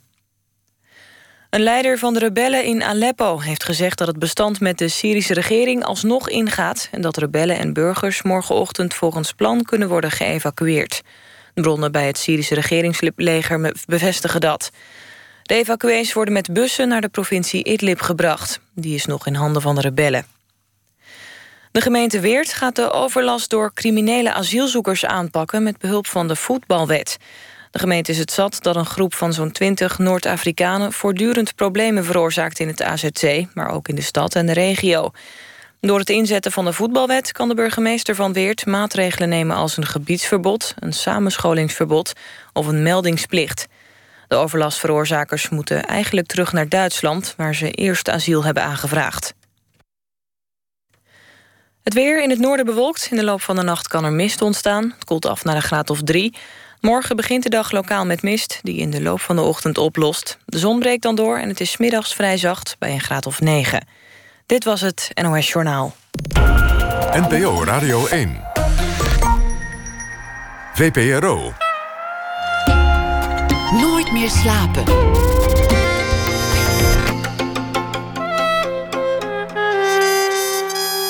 Met Pieter van der Wielen. Chris Roodbeen is 86 jaar, nog altijd wekelijks te vinden in de rechtszaal... waar hij tekeningen maakt van de rechters, de advocaten en de verdachten. Komende zaterdag opent in Rotterdam in de Kunsthal... een tentoonstelling met al die rechtbanktekeningen. En we gaan bij hem op bezoek in zijn atelier. Mathilde Santing komt op bezoek. De zangeres heeft een album uit, een concertregistratie... met liedjes van Joni Mitchell, want ze is op tournee... met uh, de tournee Both Sides Now, met het oeuvre van Mitchell. We beginnen met Alma Matthijs die deze week elke nacht een verhaal zal maken bij de voorbije dag. En dat ook vandaag. Ze is schrijfster van beroep. Alma Matthijssen, goeienacht. Goeienacht. Vertel, wat heeft je vandaag gefascineerd in uh, de wereld? Nou, ik was naar de bijeenkomst op de Dam geweest. Um, en Stand by Aleppo. Uh, waar ja, honderden, het voelde alsnog veel meer mensen samenkwamen... om eigenlijk zich uh, ja, achter de slachtoffers en de mensen die daar nog vastzitten te scharen en uh, lichtjes aan te steken. Dus daar was ik. Een bijeenkomst om solidariteit te tonen. Ja, ja, en eigenlijk toch ook een beetje te laten zien van... Uh, ook al is het maar heel klein en, en nietig om toch te laten zien van dit is niet... wij staan hier niet achter. En ja, je voelt je natuurlijk waanzinnig hopeloos met alles wat daar gebeurt. Maar ja, niets doen vind ik ook geen, uh, geen optie meer. Dus ja, ik zat net ook Pauw te kijken, eh, waar dan Bert Koenders uh, werd geïnterviewd. En Pauw die vroeg op een gegeven moment van ja, omdat Koenders had dan de ambassadeurs van Iran en uh, Rusland ontboden om te zorgen dat er een, ja, een humanitaire evacuatie gaat plaatsvinden. En dan vraagt Pauw, um, ja, moet Nederland dat nou wel doen? We zijn zo klein. En dan denk ik, nou dat moeten we juist doen. Ik, ik zou het zo zonde vinden als we ergens ten onder gaan bijna aan ons eigen minderwaardigheidscomplex. Weet je wel? We moeten gewoon juist uh, de poot stijf maken. En ook al zijn we klein, uh, we kunnen toch denk ik wel een verschil maken. En als het niet, uh, ja, het in elk geval proberen. Wat jij eigenlijk zegt, en dat is zowel wanneer je staat te bibberen op de Dam... als in jouw, uh, jouw mening over de Nederlandse diplomatie. Je moet het goede doen of het nou helpt of niet. Ja, probeer het op zijn minst, toch? Ik, uh, ja, ik vind gewoon stilzitten is niet meer uh, een optie. Voor mij in elk geval. Dus ja, ik, ik, weet niet of het helpt.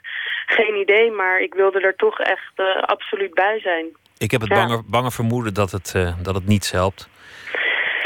We weten het niet. Nou, hopelijk houdt het uh, bestand morgen wel, uh, wat we net op het nieuws hoorden, houdt dat wel stand. Dat, dat, dat weten we niet.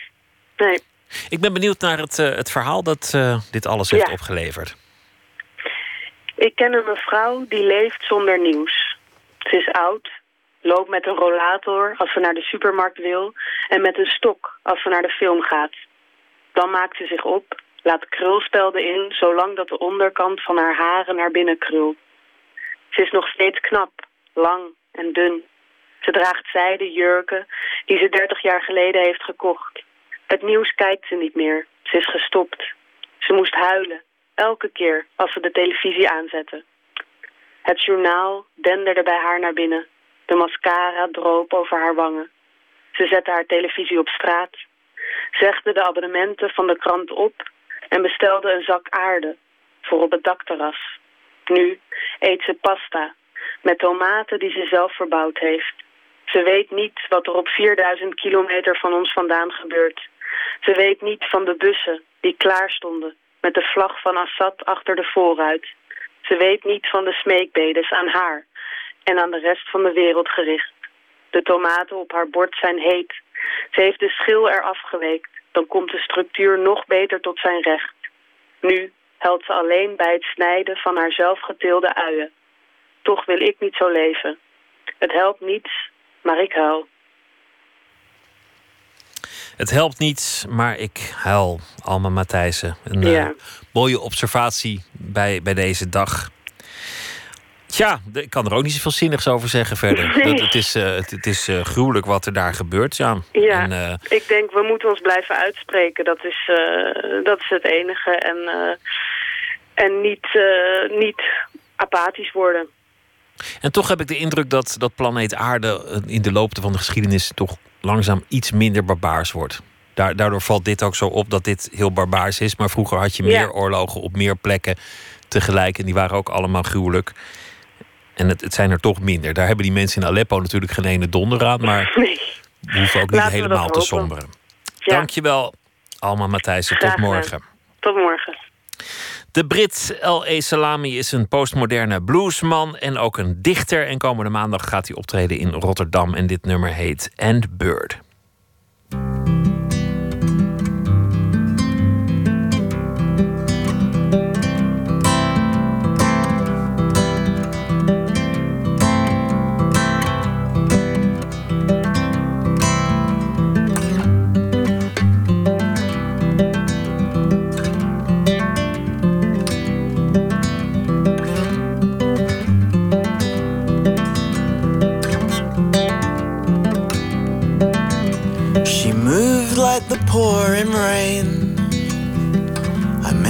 See her again, but ain't these stories all the same? This game is so lame, like an anvil on my brain, weighing down this train. Again.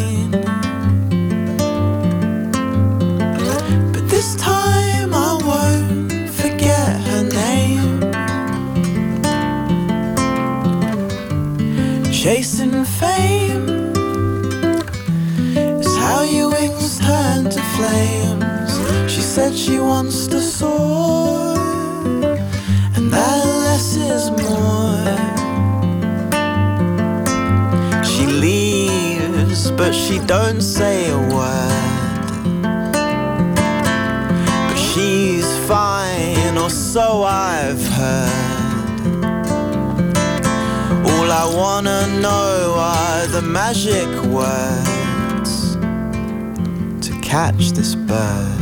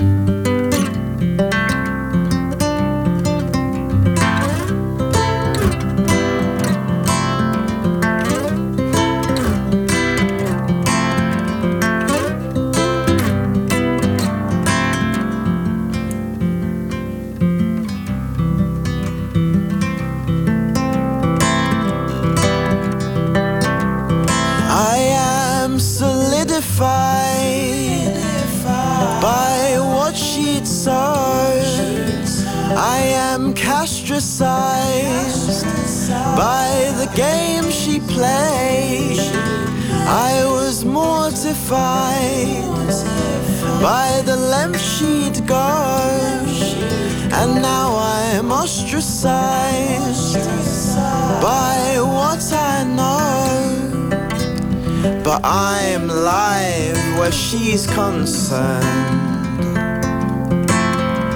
But I don't mind, cause I've been burned. What tables do I have to turn to catch this bird?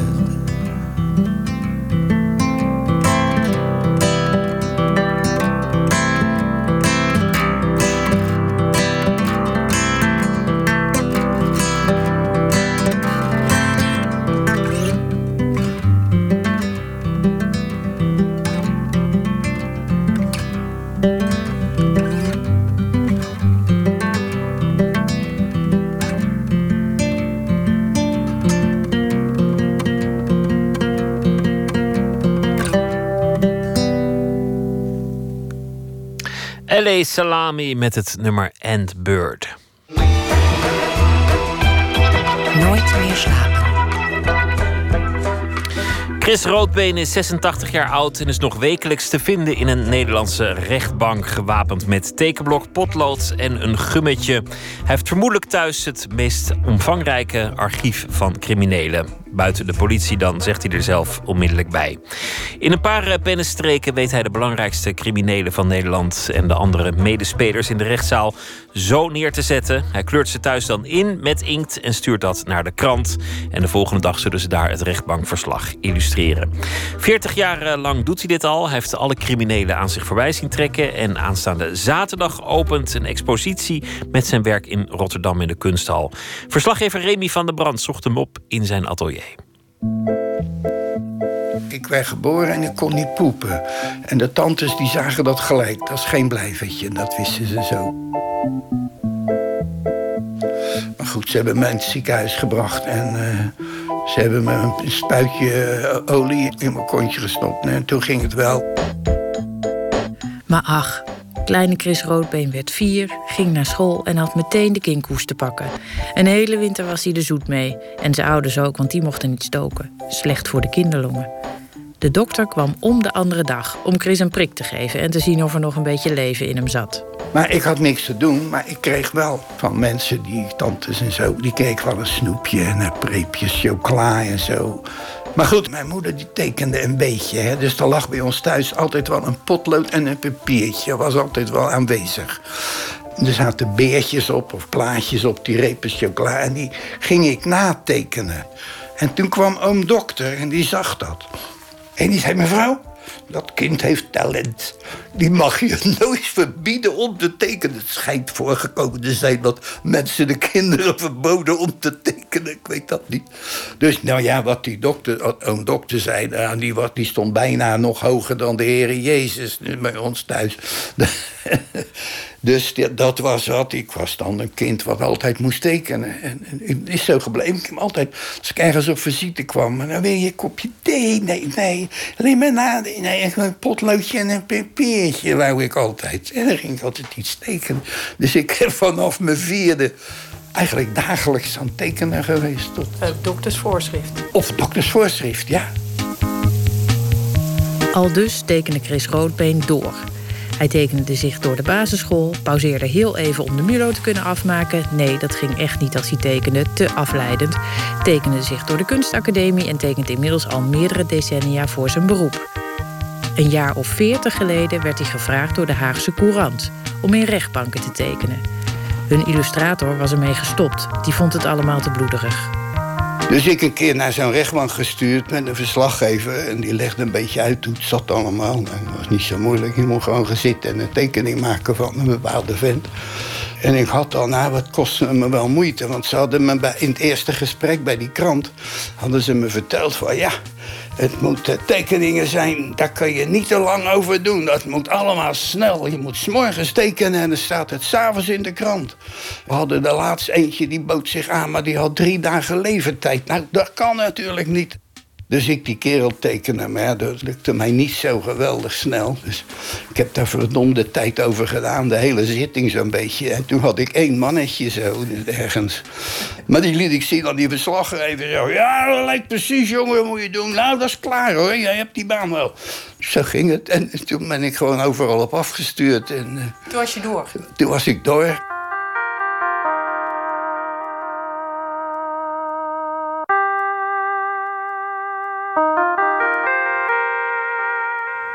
Het was begin jaren 70 en Chris Roodbeen toerde, vergezeld van een dagbladverslaggever van rechtbank naar rechtbank.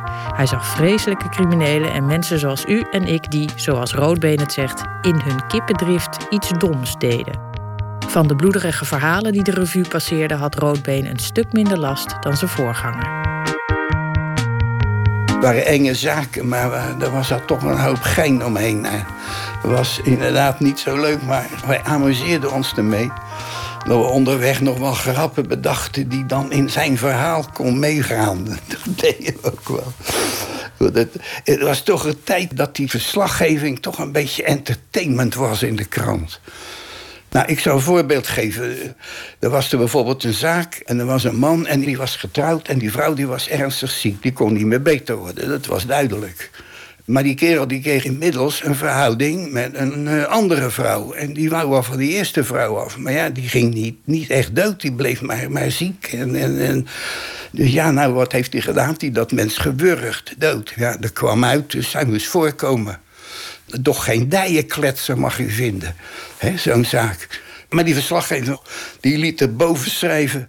Magere Hein had drempelvrees... Hij wou niet bij Maria komen.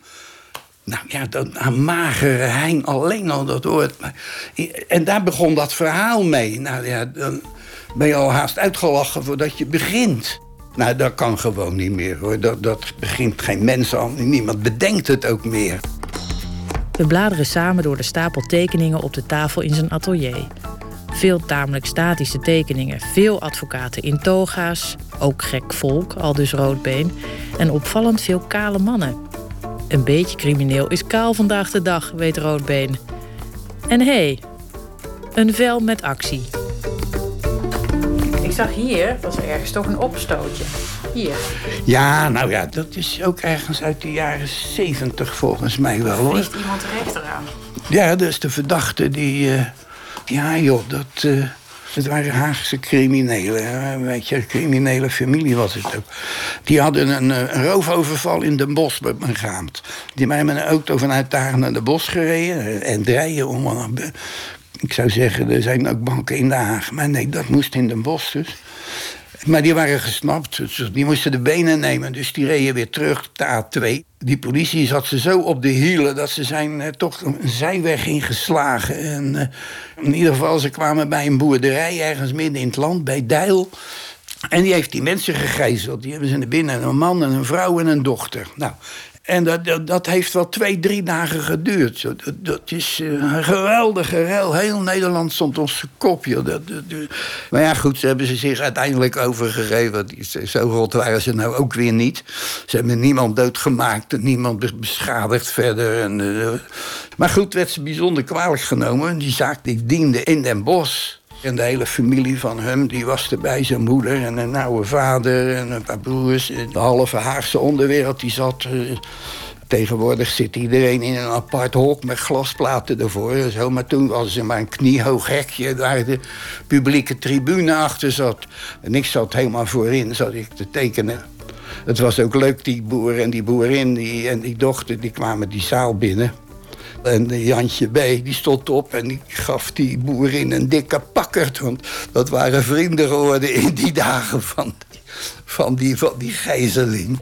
Het waren ook geen moordenaars die er stonden. Eh, maar daar leek het op, want die officier die was aan het eind van zijn... die ging de eis stellen. Die zei, zo heel het land ondersteboven geweest. En zo'n zo gijzeling hebben we nog nooit in Nederland gehad. En er moet paal en perk gesteld worden. Dat soort kreten. En daar heb ik de eer om te eisen een gevangenisstraf van 15 jaar, riep hij hard. Nou, dat was even... Iedereen schrok daar een beetje van. Maar goed, die moeder achter in de zaal die riep... vuile collega Nou, op die kreet... op die kreet stond die hele publieke tribune op... en sprong over dat hekje heen. En die daan, die vloog overhand en die sloeg die officier... Nou, en ik had hem al 24 keer getekend, dus ik kon hem makkelijk uit zijn hoofd tekenen. Dus ik heb die, deze tekening er achteraf van gemaakt. En de papieren dwarrelden rond. Nou, met een hijsa voorpagina van de Haagse Courant meegehaald. Nou, dat is toch leuk. De kunst is natuurlijk om, ondanks alle ophef en lol of juist het uitblijven daarvan, een natuurgetrouwe tekening te maken. En dat is nog wel eens lastig, zegt de illustrator. Ja, er zijn helemaal mensen die geen gezicht hebben. Dat... Nee. Sorry? Nee. Nee, er zijn... Ik vond dat in het begin heel erg... Ik heb er nou minder last van. Maar in het begin ging je met de trein naar Assen of naar, naar, naar Utrecht of weet ik wat. Uh, en dan liep ik op dat perron en dan liepen daar mensen rond, arbeiders en kantoorbedienders met die uitgestreken bekken, gekke brilletjes op en kerels met grote kluskinnen.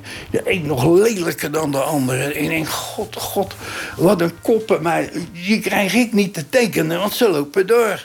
En dan zat je op die rechtbank en dan kwam er een mannetje zitten. En, nou, en die had nou niks waar je nou wat aan had. Die had een gewoon, zo gewoon hoofd. Gewoner kan haast niet. En ik denk, verdomme, die mannen op dat, op dat perron, die doen nooit wat verkeerd. Ja, kijk, dat is toch wel een, een, een beetje lullig mannetje eigenlijk. Dat is die Bart van U, ja. Nou, ik vind dat moet je Ook toch... kalend, zie ik. Heel weinig kalend, ja, ja. En met zo'n sik. En dan zo'n sok, dat vind ik zo belangrijk. Die net, niet, die net Zo. afgezakt is. Ja. Een beetje hoog water. Ja, het wordt zo'n man die wordt toch menselijker door, vind ik. Maar ik wil zo'n vent ook niet te gek beschadigen. Het moet niet, niet, niet erger of anders worden dan dat hij erbij zit. Dus, nou, die rechter, die, die heb ik toch wel te spits en te keurig en te, te ouderwets rechter. Die man die praatte ook als een pastoor. Nou, ik, hij, ik wou zeggen, het is, hij heeft een erg christelijk uiterlijk. Hij sprak ook van, nou wel vrouwen, en heeft gij toen het krattengif in de brei van uw echtgenoot? Ja, zo ziet hij er ook uit. Ja, dus dat zit er. Maar Omdat je zoveel tekent voor je werk, teken je dan ook nog voor de lol? Eh, nee, er moet wel ergens, al is het al aan de horizon, een kassa dreigen. Ik wil wel dingen maken waar iets mee gebeurt. Waar, iets, waar een veelvoud van gemaakt wordt. Weet je, dat, dat heb ik heel sterk. En dat vind ik het leuke van een krant voor een krant werken. Je wilt wel gezien worden. Ik wil wel gezien worden. En zo voor, om dingen in een mappie te doen, dan gaat er geen bij mij heel snel af. Ik denk dat het voor een van ijdelheid is. Dat, dat lijkt mij. Ik vind het nog steeds fijn om een ding te gemaakt te hebben een dag. S'avonds de dag om is en ik heb een ding gemaakt. Het is afgeleverd. Ja, en het is weg. En het- ik, ik heb iets wat er vanochtend nog niet was. En nu heb ik een tekening. Ja, ik denk dat dat, dat is misschien de motivatie wel.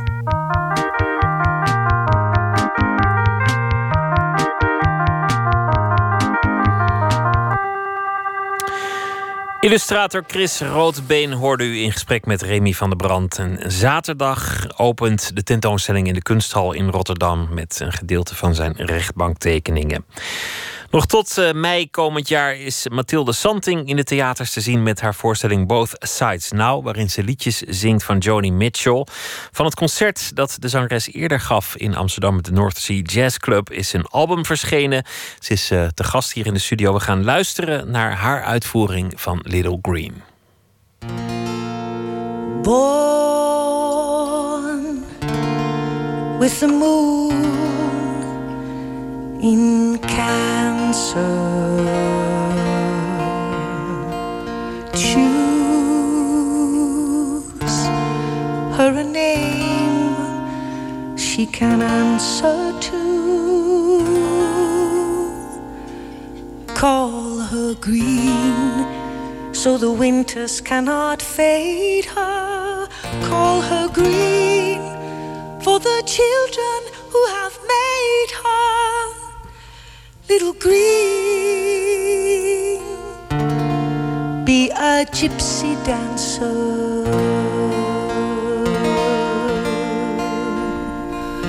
He went to California.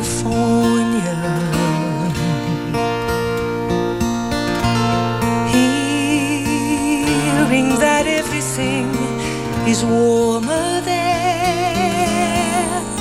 So you write him a letter, say her eyes are blue. He sends you a poem and she's lost to you, little green. He's a non-conformer, just a little green like the color when the spring is born. There'll be to bring to school tomorrow. Just a little green like the nights when the northern lights perform. There'll be icicles and birthday clothes, and sometimes there'll be sorrow.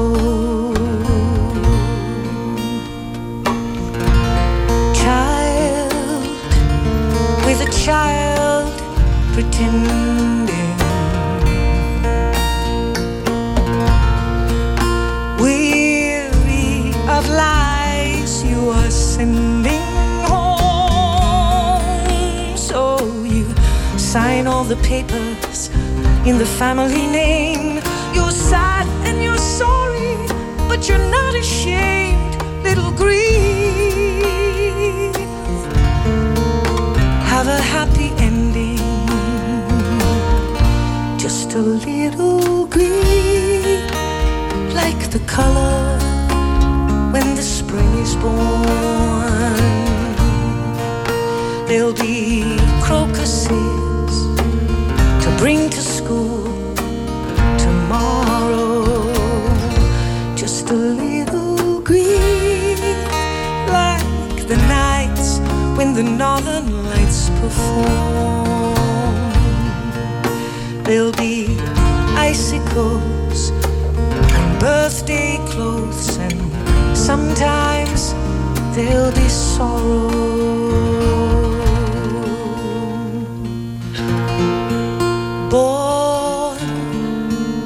The moon in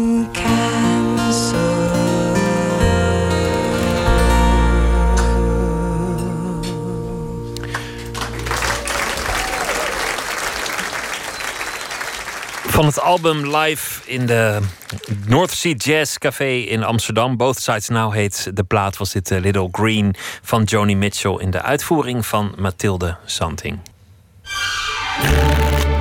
Open kaart. En Mathilde Santing is de gast in de rubriek Open Kaart. 150 vragen over werk en leven. De willekeur regeert. In 1986 doorgebroken als winnaar van de popprijs Noorderslag. En eh, heeft daarna hits gescoord en is al buitengewoon lang bezig. Afgelopen jaar is ze begonnen met een theatertour Both Sides Now. Waarin ze in het repertoire is gedoken van Joni Mitchell. Mathilde Santing, hartelijk welkom. Dank je. Dit, dit nummer, Little Green, is een, eh, eh, een prachtig nummer, maar ook een, ook een bijzonder verhaal.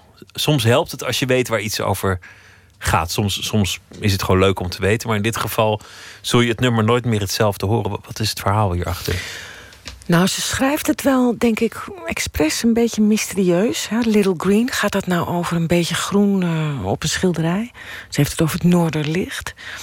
Maar het gaat eigenlijk over dat ze een baby eh, afstaat ter adoptie als ze heel jong is. En ze houdt dat ook geheim. Dus ze, ze, ze, ze raakt zwanger, ze zit op de kunstacademie. En ehm, ja, verhuist eigenlijk om het ook te verbergen voor haar ouders. En gebruikt dus de muziek ook als rookgordijn. Ze zegt, ja, ik ben van die school af, ik ben van de kunstacademie afgegaan. Omdat ik muzikant wilde worden. Maar is helemaal niet waar. Ze is zwanger. En ze probeert ook wel de baby te houden. Maar dat, dat, dat mislukt toch. Haar huwelijk mislukt. En dan staat ze er toch af. En jaren later eh, gaat ze er toch naar op zoek. Vindt ze het, het meisje terug. Maar dit nummer schrijft ze geloof ik al in 67. Maar het komt veel later pas op de plaats. Eh, ze houdt het echt geheim. Little Green like the children that made her. Ja. Wat, eh, wat ik bijzonder vind is dat, dat zij hier zelf best jong is. Als, Ja. als we hier, haar hier horen zingen eh, op de plaat, Blue. Mhm. Als jij het zingt, dan, dan is het een, een gerijpte stem die dat zingt. En dat past eigenlijk wel. Het zijn allemaal nummers die we kennen, gezongen door iemand die piepjong is. En, en nu ineens komen die jaren. Ja, nou, dat, erbij. dat was eigenlijk ook de reden dat ik het ben gaan doen. Omdat ze zelf in een televisie-interview, niet zo heel erg lang geleden, zegt dat ze op een gegeven moment een oude zangeres haar werk eh, hoort zingen, Both Now. En dan zich realiseert van ja, eigenlijk dat vroege werk. Eigenlijk ben ik te jong dan om het te zingen. Eigenlijk zou het gezongen moeten worden door een rijpere zangeres. En dat vertelt iemand aan mij. Mijn producer vertelt dat aan mij. En dan denk ik, oké, nou dan, als ze het zelf vraagt eigenlijk, dan, dan pak ik de handschoen op. Dan duik je erin. Ja. Wat, wat, eh, wat was jouw kennismaking met Joni Mitchell? Welke, welke levensfasen zijn eh, verbonden aan haar werk? Nou, het is eigenlijk heel grappig. Maar de eerste keer dat haar naam wordt genoemd... zit ik op het strand van Kreta bij die grotten van Matala, waar zij heeft gewoond. Waar ze eigenlijk blues schrijft. Maar dan heb ik nog nooit van haar gehoord. En dan, ik ben op, op vakantie met mijn zusje op Kreta. En ik zit op dat strand en ik, ze, ze wijst me op die grotten. En ik kan me dat nog herinneren. Ik daar zit en ik leen iemands gitaar en ik speel een liedje. En een aantal Amerikanen zeggen... Oh, you sound like Joni. Are you just like... En ik dacht, nou, die Joni die moet gewoon oprotten. Dan heb ik gewoon uh, helemaal geen zin. Dus mijn eerste kennismaking met Joni is... Hm, dat vind ik gewoon... Dat gekraai van die Amerikanen, dat ik precies klink als Joni, vind ik niet leuk. Hoe oud was jij toen? 16, 17, denk ik. Zoiets. 18 misschien. En dan, nee, ik denk wel zoiets. En dan later hoor ik Hejira, haar achtste LP. En ik denk dat ik dan eigenlijk al denk van... oh, wauw, dat ga ik dus niet kunnen. Misschien is het wel zo dat Joni de lat zo hoog legt qua songwriting... dat ik dan beslis van ik ga geen liedjes schrijven. Ik ga mooie liedjes van andere mensen zingen. En ik ga geen Joni zingen. Het schrok je af. Je bent wel Joni gaan zingen, maar het is toch een groot deel van jouw werk geweest om andermans nummers te zingen. Om niet, niet heel veel mannenmateriaal, heel veel ja. voorkeur van mannenmateriaal. Het schijnt een opzij-interview te zijn van nou, tien jaar geleden misschien nog meer, waarin ik zeg: Nee, Joni ga ik nooit zingen. Dus het is wel een uh, cirkel die helemaal rondkomt. Van, dat ik daar in, in Kreta zit. Hejira hoor later. En dan nu toch er helemaal ingedoken ben. Ik zag jullie een, een jaar geleden of zo, denk ik, spelen met, met, met het begin van de, van de tour. Volgens mij was het de eerste hè, die we deden. De, aller, de allereerste Ja. zal het zijn geweest. Ja. Jullie zijn, zijn veel op reis geweest. Jullie, jullie zijn er echt ingedoken. En, en ben je er nu al klaar mee? Of, of dat nog niet? Nee, helemaal niet. Ik het vind blijft het, fascineren. ik vind het heerlijk om, om de songs te spelen. Joni is natuurlijk ehm, iemand die die gitaar eigenlijk op een hele nieuwe manier gaat bespelen. Tenminste, ze gaat die open gitaarstemmingen gebruiken. Dat zijn gitaarstemmingen stemmingen waarbij je dus eigenlijk met hele simpele grepen hele rijke akkoorden kan spelen. Dat ontwikkelt ze eigenlijk omdat ze polio als klein meisje heeft gehad. En door die ehm, verlamming in haar jeugd kan ze die grepen van die linkerhand eigenlijk niet goed eh, doen. En gaat ze die open gitaarstemmingen gebruiken. En daar maakt ze telkens nieuwe van. Ik bedoel, Keith Richard gebruikt er eentje.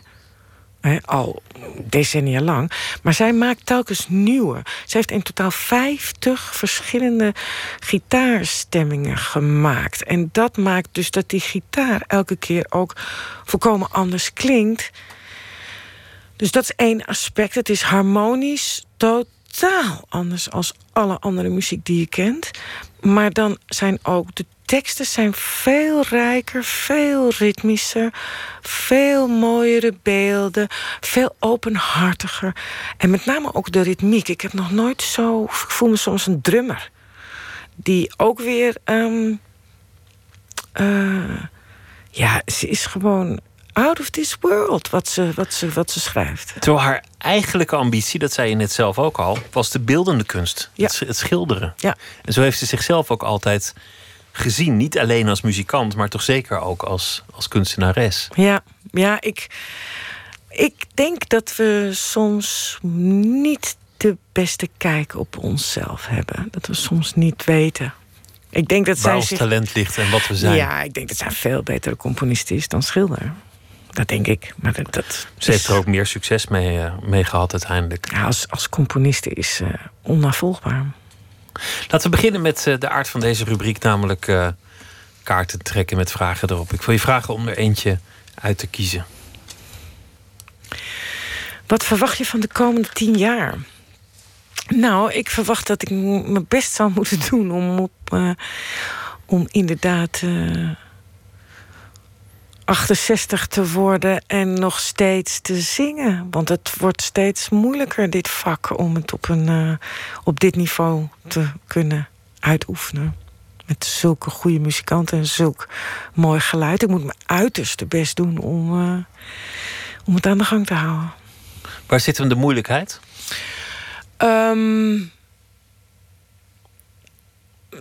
mensen weten niet echt meer wat mooi geluid is. Ze zijn natuurlijk toch gewend om. Ze zijn allemaal een beetje verslaafd aan hun beeldschermpjes. En daar zitten hele slechte boxjes bij. Kijk, van de meeste dingen weten mensen wel van... nou, je hebt heel erg kwalitatief goed eten... of kwalitatief goede stoffen... of kwalitatief hè, goede auto's... of kwalitatief goede brandstof. Maar dat je een verschil hebt in, in ontzettend lelijk en inferieur geluid... En geluid wat, wat zo rijk en subtiel is. Ik ben laatst in de mastering suite geweest van Wisseloord... toen ik deze plaat ging masteren. Daar heb je 9.1 geluid. Hè, dus daar komt het geluid uit negen verschillende bronnen. Worden cd's dus opgenomen met dat al in gedachten. Ik heb een stukje James Taylor gehoord... wat dan gemaakt is voor 9.1. Nou ja, dat is je reinste Walt Disney, maar dan met geluid. Maar de door die ontwikkeling is, is de plaatverkoop natuurlijk veel minder geworden. En, en misschien ook een kleine terugloop in, in live muziek. Dat weet ik eigenlijk niet of dat zoveel minder gaat. Nou, kijk, mensen zijn enorm geïnspireerd door muziek. Iedereen vindt muziek heel erg belangrijk. Maar ze zijn zich niet bewust van um, dat ze veel mooier geluid hebben als ze gewoon een hi-fi installatie hebben en daar cd's op afdraaien. Dat dat echt een totaal andere ervaring is als toch bij je beeldschermpje blijven zitten met wat inferieure boxjes en YouTube afgrazen. Of vinyl, wat ik ook altijd eh, heel mooi vind. Vinyl is natuurlijk ook helemaal te gek. Maar je stem is altijd goed gebleven. Want ik, ik dacht aanvankelijk dat je daarop doelde. Dat wordt steeds moeilijker. Maar dat, dat geldt voor veel zangers ook voor Joni Mitchell zelf. Die, die heeft echt, echt een, een, een heel andere stem dan, dan vroeger. Maar jouw stem lijkt onaangetast. Ja, nou, het is zo. Ik ben als jong meisje door mijn uh, zanglerares enorm beschermd. Die heeft de hele tijd geprotesteerd dat ik bepaalde dingen niet mocht. Zelfs als ik op een bepaalde manier lachte, dan zei ze: ah, ah, zo mag je niet lachen. En toen ik in mijn eerste bandje ging, heeft ze mijn moeder opgebeld van: ik wil niet eigenlijk en ik denk dat dat een van de dingen is die mij bijzonder maken. Dat ik en heel veel ervaring heb met bandjes. Ik zit al 40 jaar in bandjes. Maar ik heb ook uh, echt een hele gedegen opleiding gehad. En ik heb er veel bij geleerd. Ik heb veel dingen, nieuwe dingen ontdekt.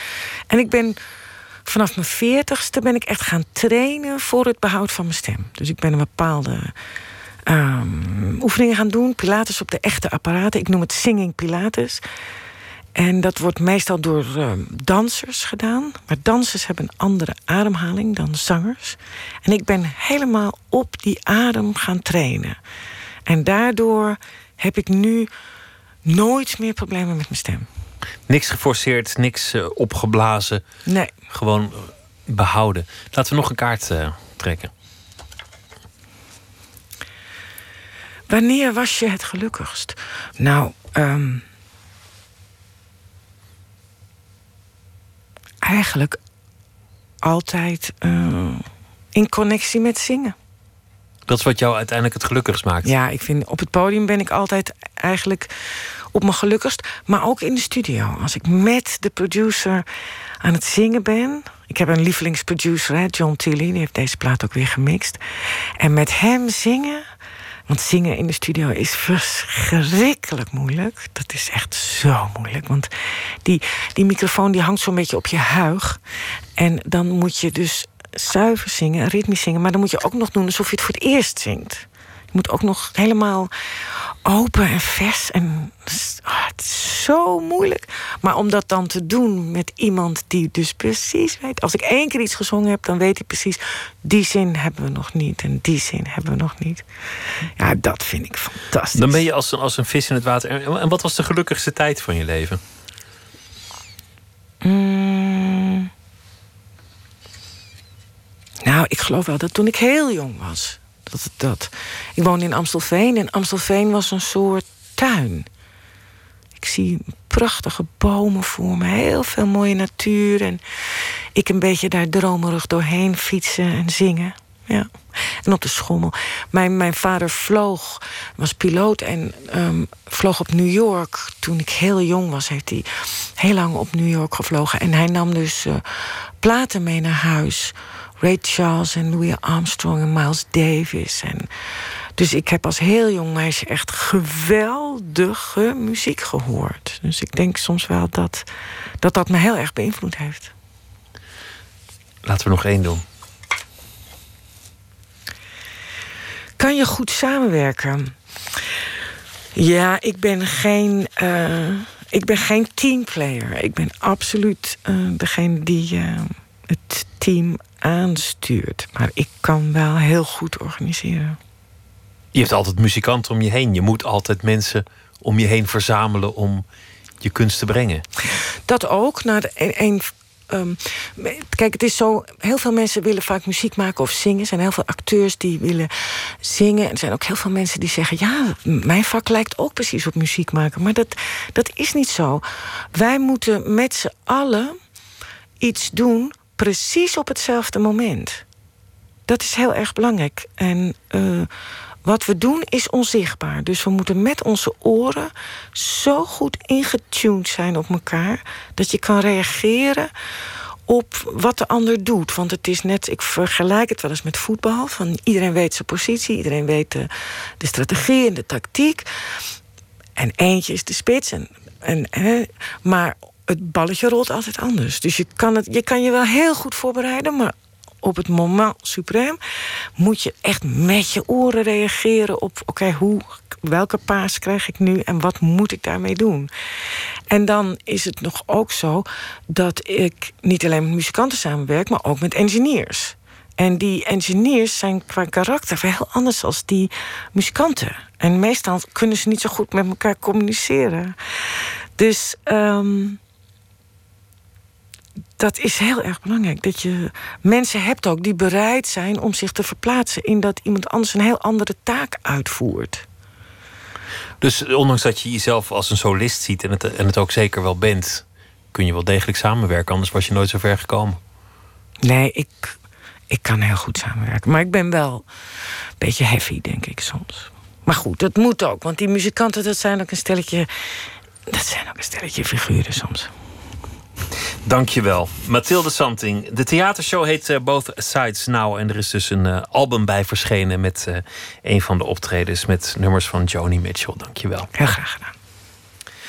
De New Yorkse Laura Pergolisi begon haar carrière als liedjeschrijver voor anderen. De Backstreet Boys, Rihanna en Christina Aguilera. En sinds enige tijd brengt ze ook haar eigen albums uit. En dit is een van haar nummers, Muddy Waters.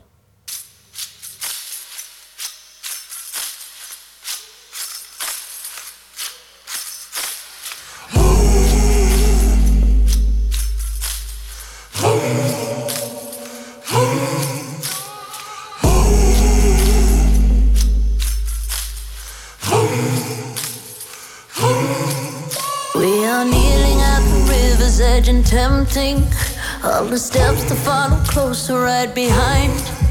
Is it only when you feel the pot is empty that it's gnawing at the corners of your mind? Oh, I will ask you for mercy. I will come to you blind. What you'll see is the worst me, not the last of my kind.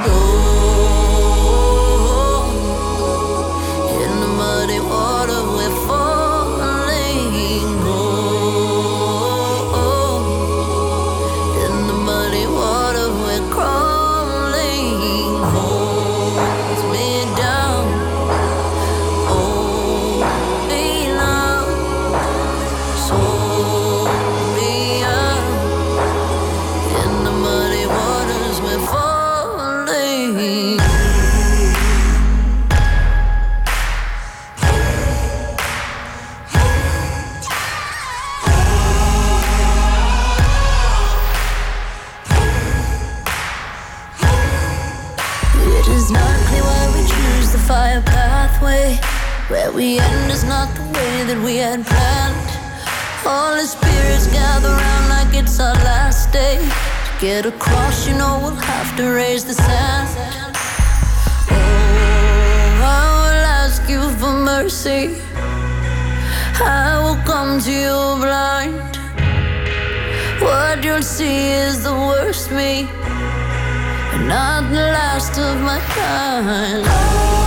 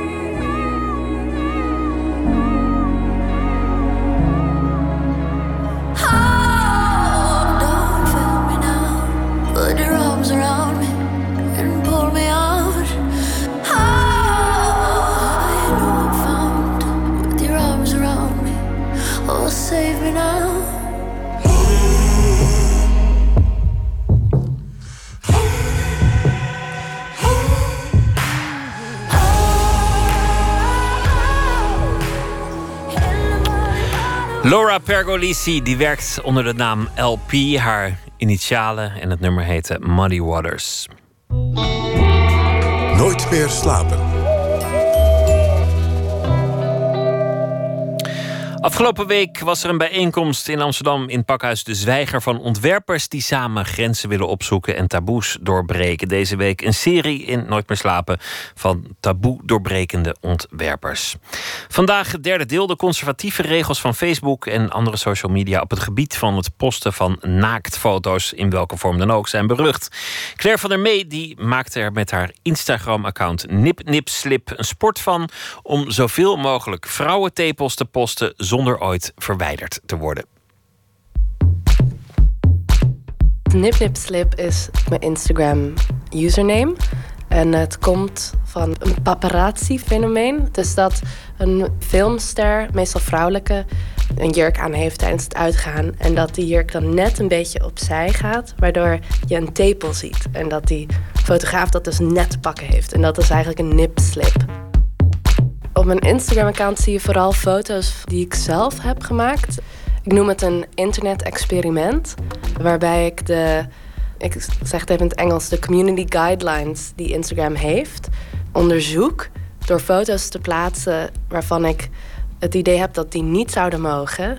Maar dan doordat ik eigenlijk een lichaamsdeel uit zijn context haal, dus een tepel weghaal van de borst, uh, toch een manier weet te vinden dat het op het internet mag blijven mannelijke tepels mogen wel. Vroeger was het zo dat vrouwelijke tepels helemaal niet mochten. Uh, maar inmiddels zijn de regels weer een beetje veranderd en mogen borstvoedende moeders wel op Instagram en uh, vrouwen die een um, borstkankeroperatie hebben gehad. Juist omdat er veel activisme is, ook op Instagram, van ja, de hele Free the Nipple beweging. En ik denk dat bij Instagram dat ze zich wel realiseerden dat ze de regels een beetje moesten aanpassen want borstvoedende moeders en eh, vrouwen die borstkanker hebben gehad, het is wel heel erg als, je, als die niet aanwezig mogen zijn. Ik had zeker een aanleiding om het project te beginnen, want uh, ik deed even een half jaar uitwisseling in Berlijn. En daar zat ik op de kunstacademie en er was een klein feministisch klasje. En we waren bezig met een project te bedenken voor een festival die we gingen organiseren. Uh, en ik had toevallig net op mijn eigen Instagram-account, dus mijn persoonlijke, een foto geplaatst van um, een Chinese fotograaf, Ren Heng. Met drie mannen die op elkaar gestapeld liggen. Uh, en je ziet hun billen. En die foto was vervolgens verwijderd. En aan mij werd verteld dat ik. I was violating the community guidelines. En toen vroeg ik me af waarom. Omdat ik uh, zeker wist dat Kim Kardashian bijvoorbeeld haar billen op Instagram had. Volgens heeft ze een glas champagne op haar billen staan. En die was dus heel duidelijk en overal te zien. En zo van, rond net die tijd werd die foto die ik had geplaatst verwijderd. Dus toen begon ik me af te vragen van... Uh, wat, wat is het dan? Want billen mogen wel. Maar misschien is het een klein beetje balzak dat je kan zien bij die mannen dat dan niet mag vrouwelijke tepel was gewoon een heel makkelijk lichaamsdeel om mee te beginnen eigenlijk. Toen kwam ik al vrij snel achter van oké, het is simpel. Je haalt gewoon dat lichaamsdeel dat er niet mag zijn. Uh, en dat stop je ergens anders. Dus ik heb foto's geplaatst van een, een meid en de tepels weggehaald van de borst. En een ketting van tepels gemaakt om haar hals heen. Ik wou niet te radicaal zijn, want als zij vinden dat je te veel provoceert, dan verwijderen, verwijderen ze je hele account. En dan zou, ik, uh, zou mijn experiment afgelopen zijn. Maar op een gegeven moment had ik eentje geplaatst waar ik de tepels wel nog op de plek had. Maar allemaal tepels eromheen. Dus die tepels, de borst werd eigenlijk helemaal bedekt door tepels. En uh, die, ja, die staat er ook nog steeds. Waarom er een taboe ligt op de vrouwentepel? Um, ik, vind dat heel, ik vind het eigenlijk nogal arbitrair. Vroeger mochten mannen ook niet, in, bijvoorbeeld in New York, uh, met ontbloot bovenlijf op het strand. Je kreeg zelfs als man een boete als jouw tepels gezien konden worden. En daar, ja, zij hebben gedemonstreerd en ze hebben gewonnen. En nu is dat hartstikke normaal. Dus het is, ik vind het ook gewoon iets ja, een, van deze tijd. Dat, uh, dat er een taboe ligt op de tepel. Vroeger waren vrouwelijke enkels heel aantrekkelijk. In de jaren zestig uh, was het bijvoorbeeld heel erg in om geen BH te dragen. Uh, maar eigenlijk moest je daarvoor wel kleinere borsten hebben. Dus ja, mensen kunnen nostalgisch zijn en denken van... oh, toen was het beter. Uh, maar ik denk dat er altijd gewoon een, een um, ideaal vrouwenlichaam is geweest. En als je daaraan voldoet in die tijd, dan heb je geluk. En ja, de laatste tijd heb je inderdaad de ontwikkeling dat BH's wat steviger zijn en dat de tepel niet gezien mag worden. En ik weet dat inderdaad ook heel goed van tiener zijn. Dat het uh, gênant was als je te veel de vorm van je borst kon zien door het t-shirt heen. En ja, het verandert gewoon. Dus uh, dat, daarom vind ik het ook heel leuk om, om ermee te spelen. Juist omdat je uh, zo gewend raakt aan wat je wel en niet mag zien. En ook voor mijzelf door dit project te doen en zoveel tepels te verspreiden op het internet. En ook bijvoorbeeld uh, tepels af te drukken als sticker en die door de stad uh, ja, in verschillende plekken te plakken. Is voor mij de tepel nu iets zo normaals geworden om te zien dat ik het bijna saai vind eigenlijk.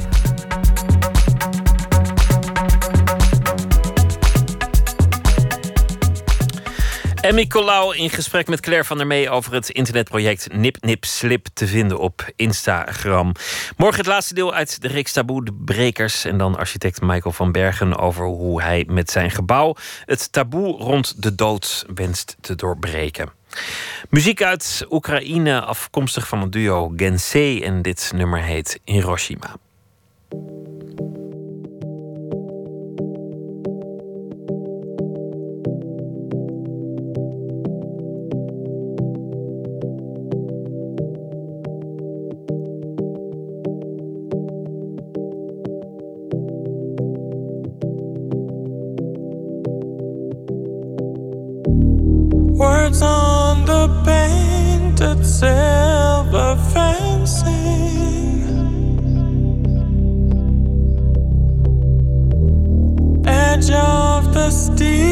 abismal. Can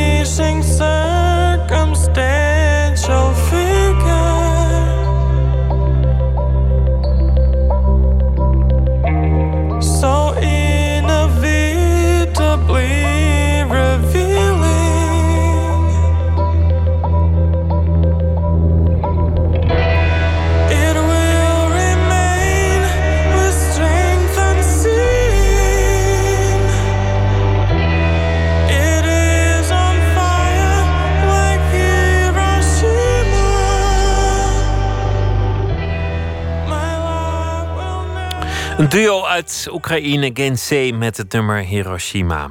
We eindigen met poëzie van Ellen Dekwits. Deze week zal ze elke nacht een van haar gedichten voordragen. Het derde gedicht van de week heet Vlos.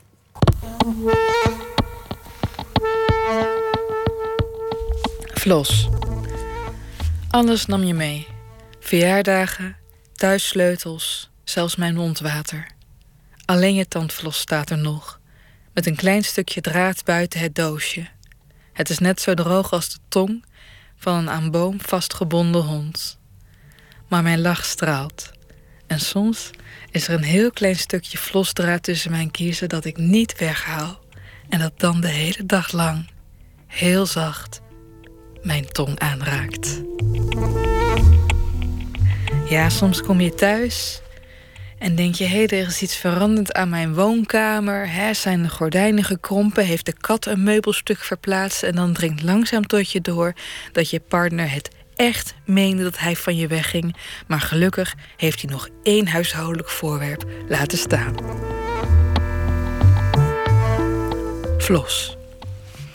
Alles nam je mee. Verjaardagen, thuissleutels, zelfs mijn mondwater.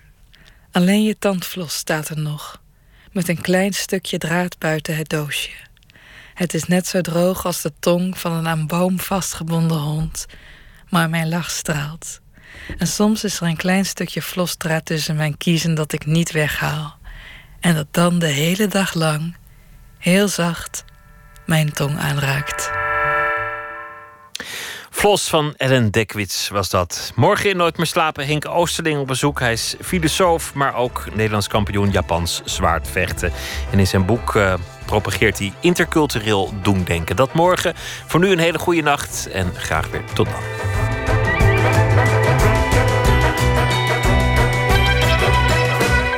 Op Radio 1, het nieuws van alle kanten.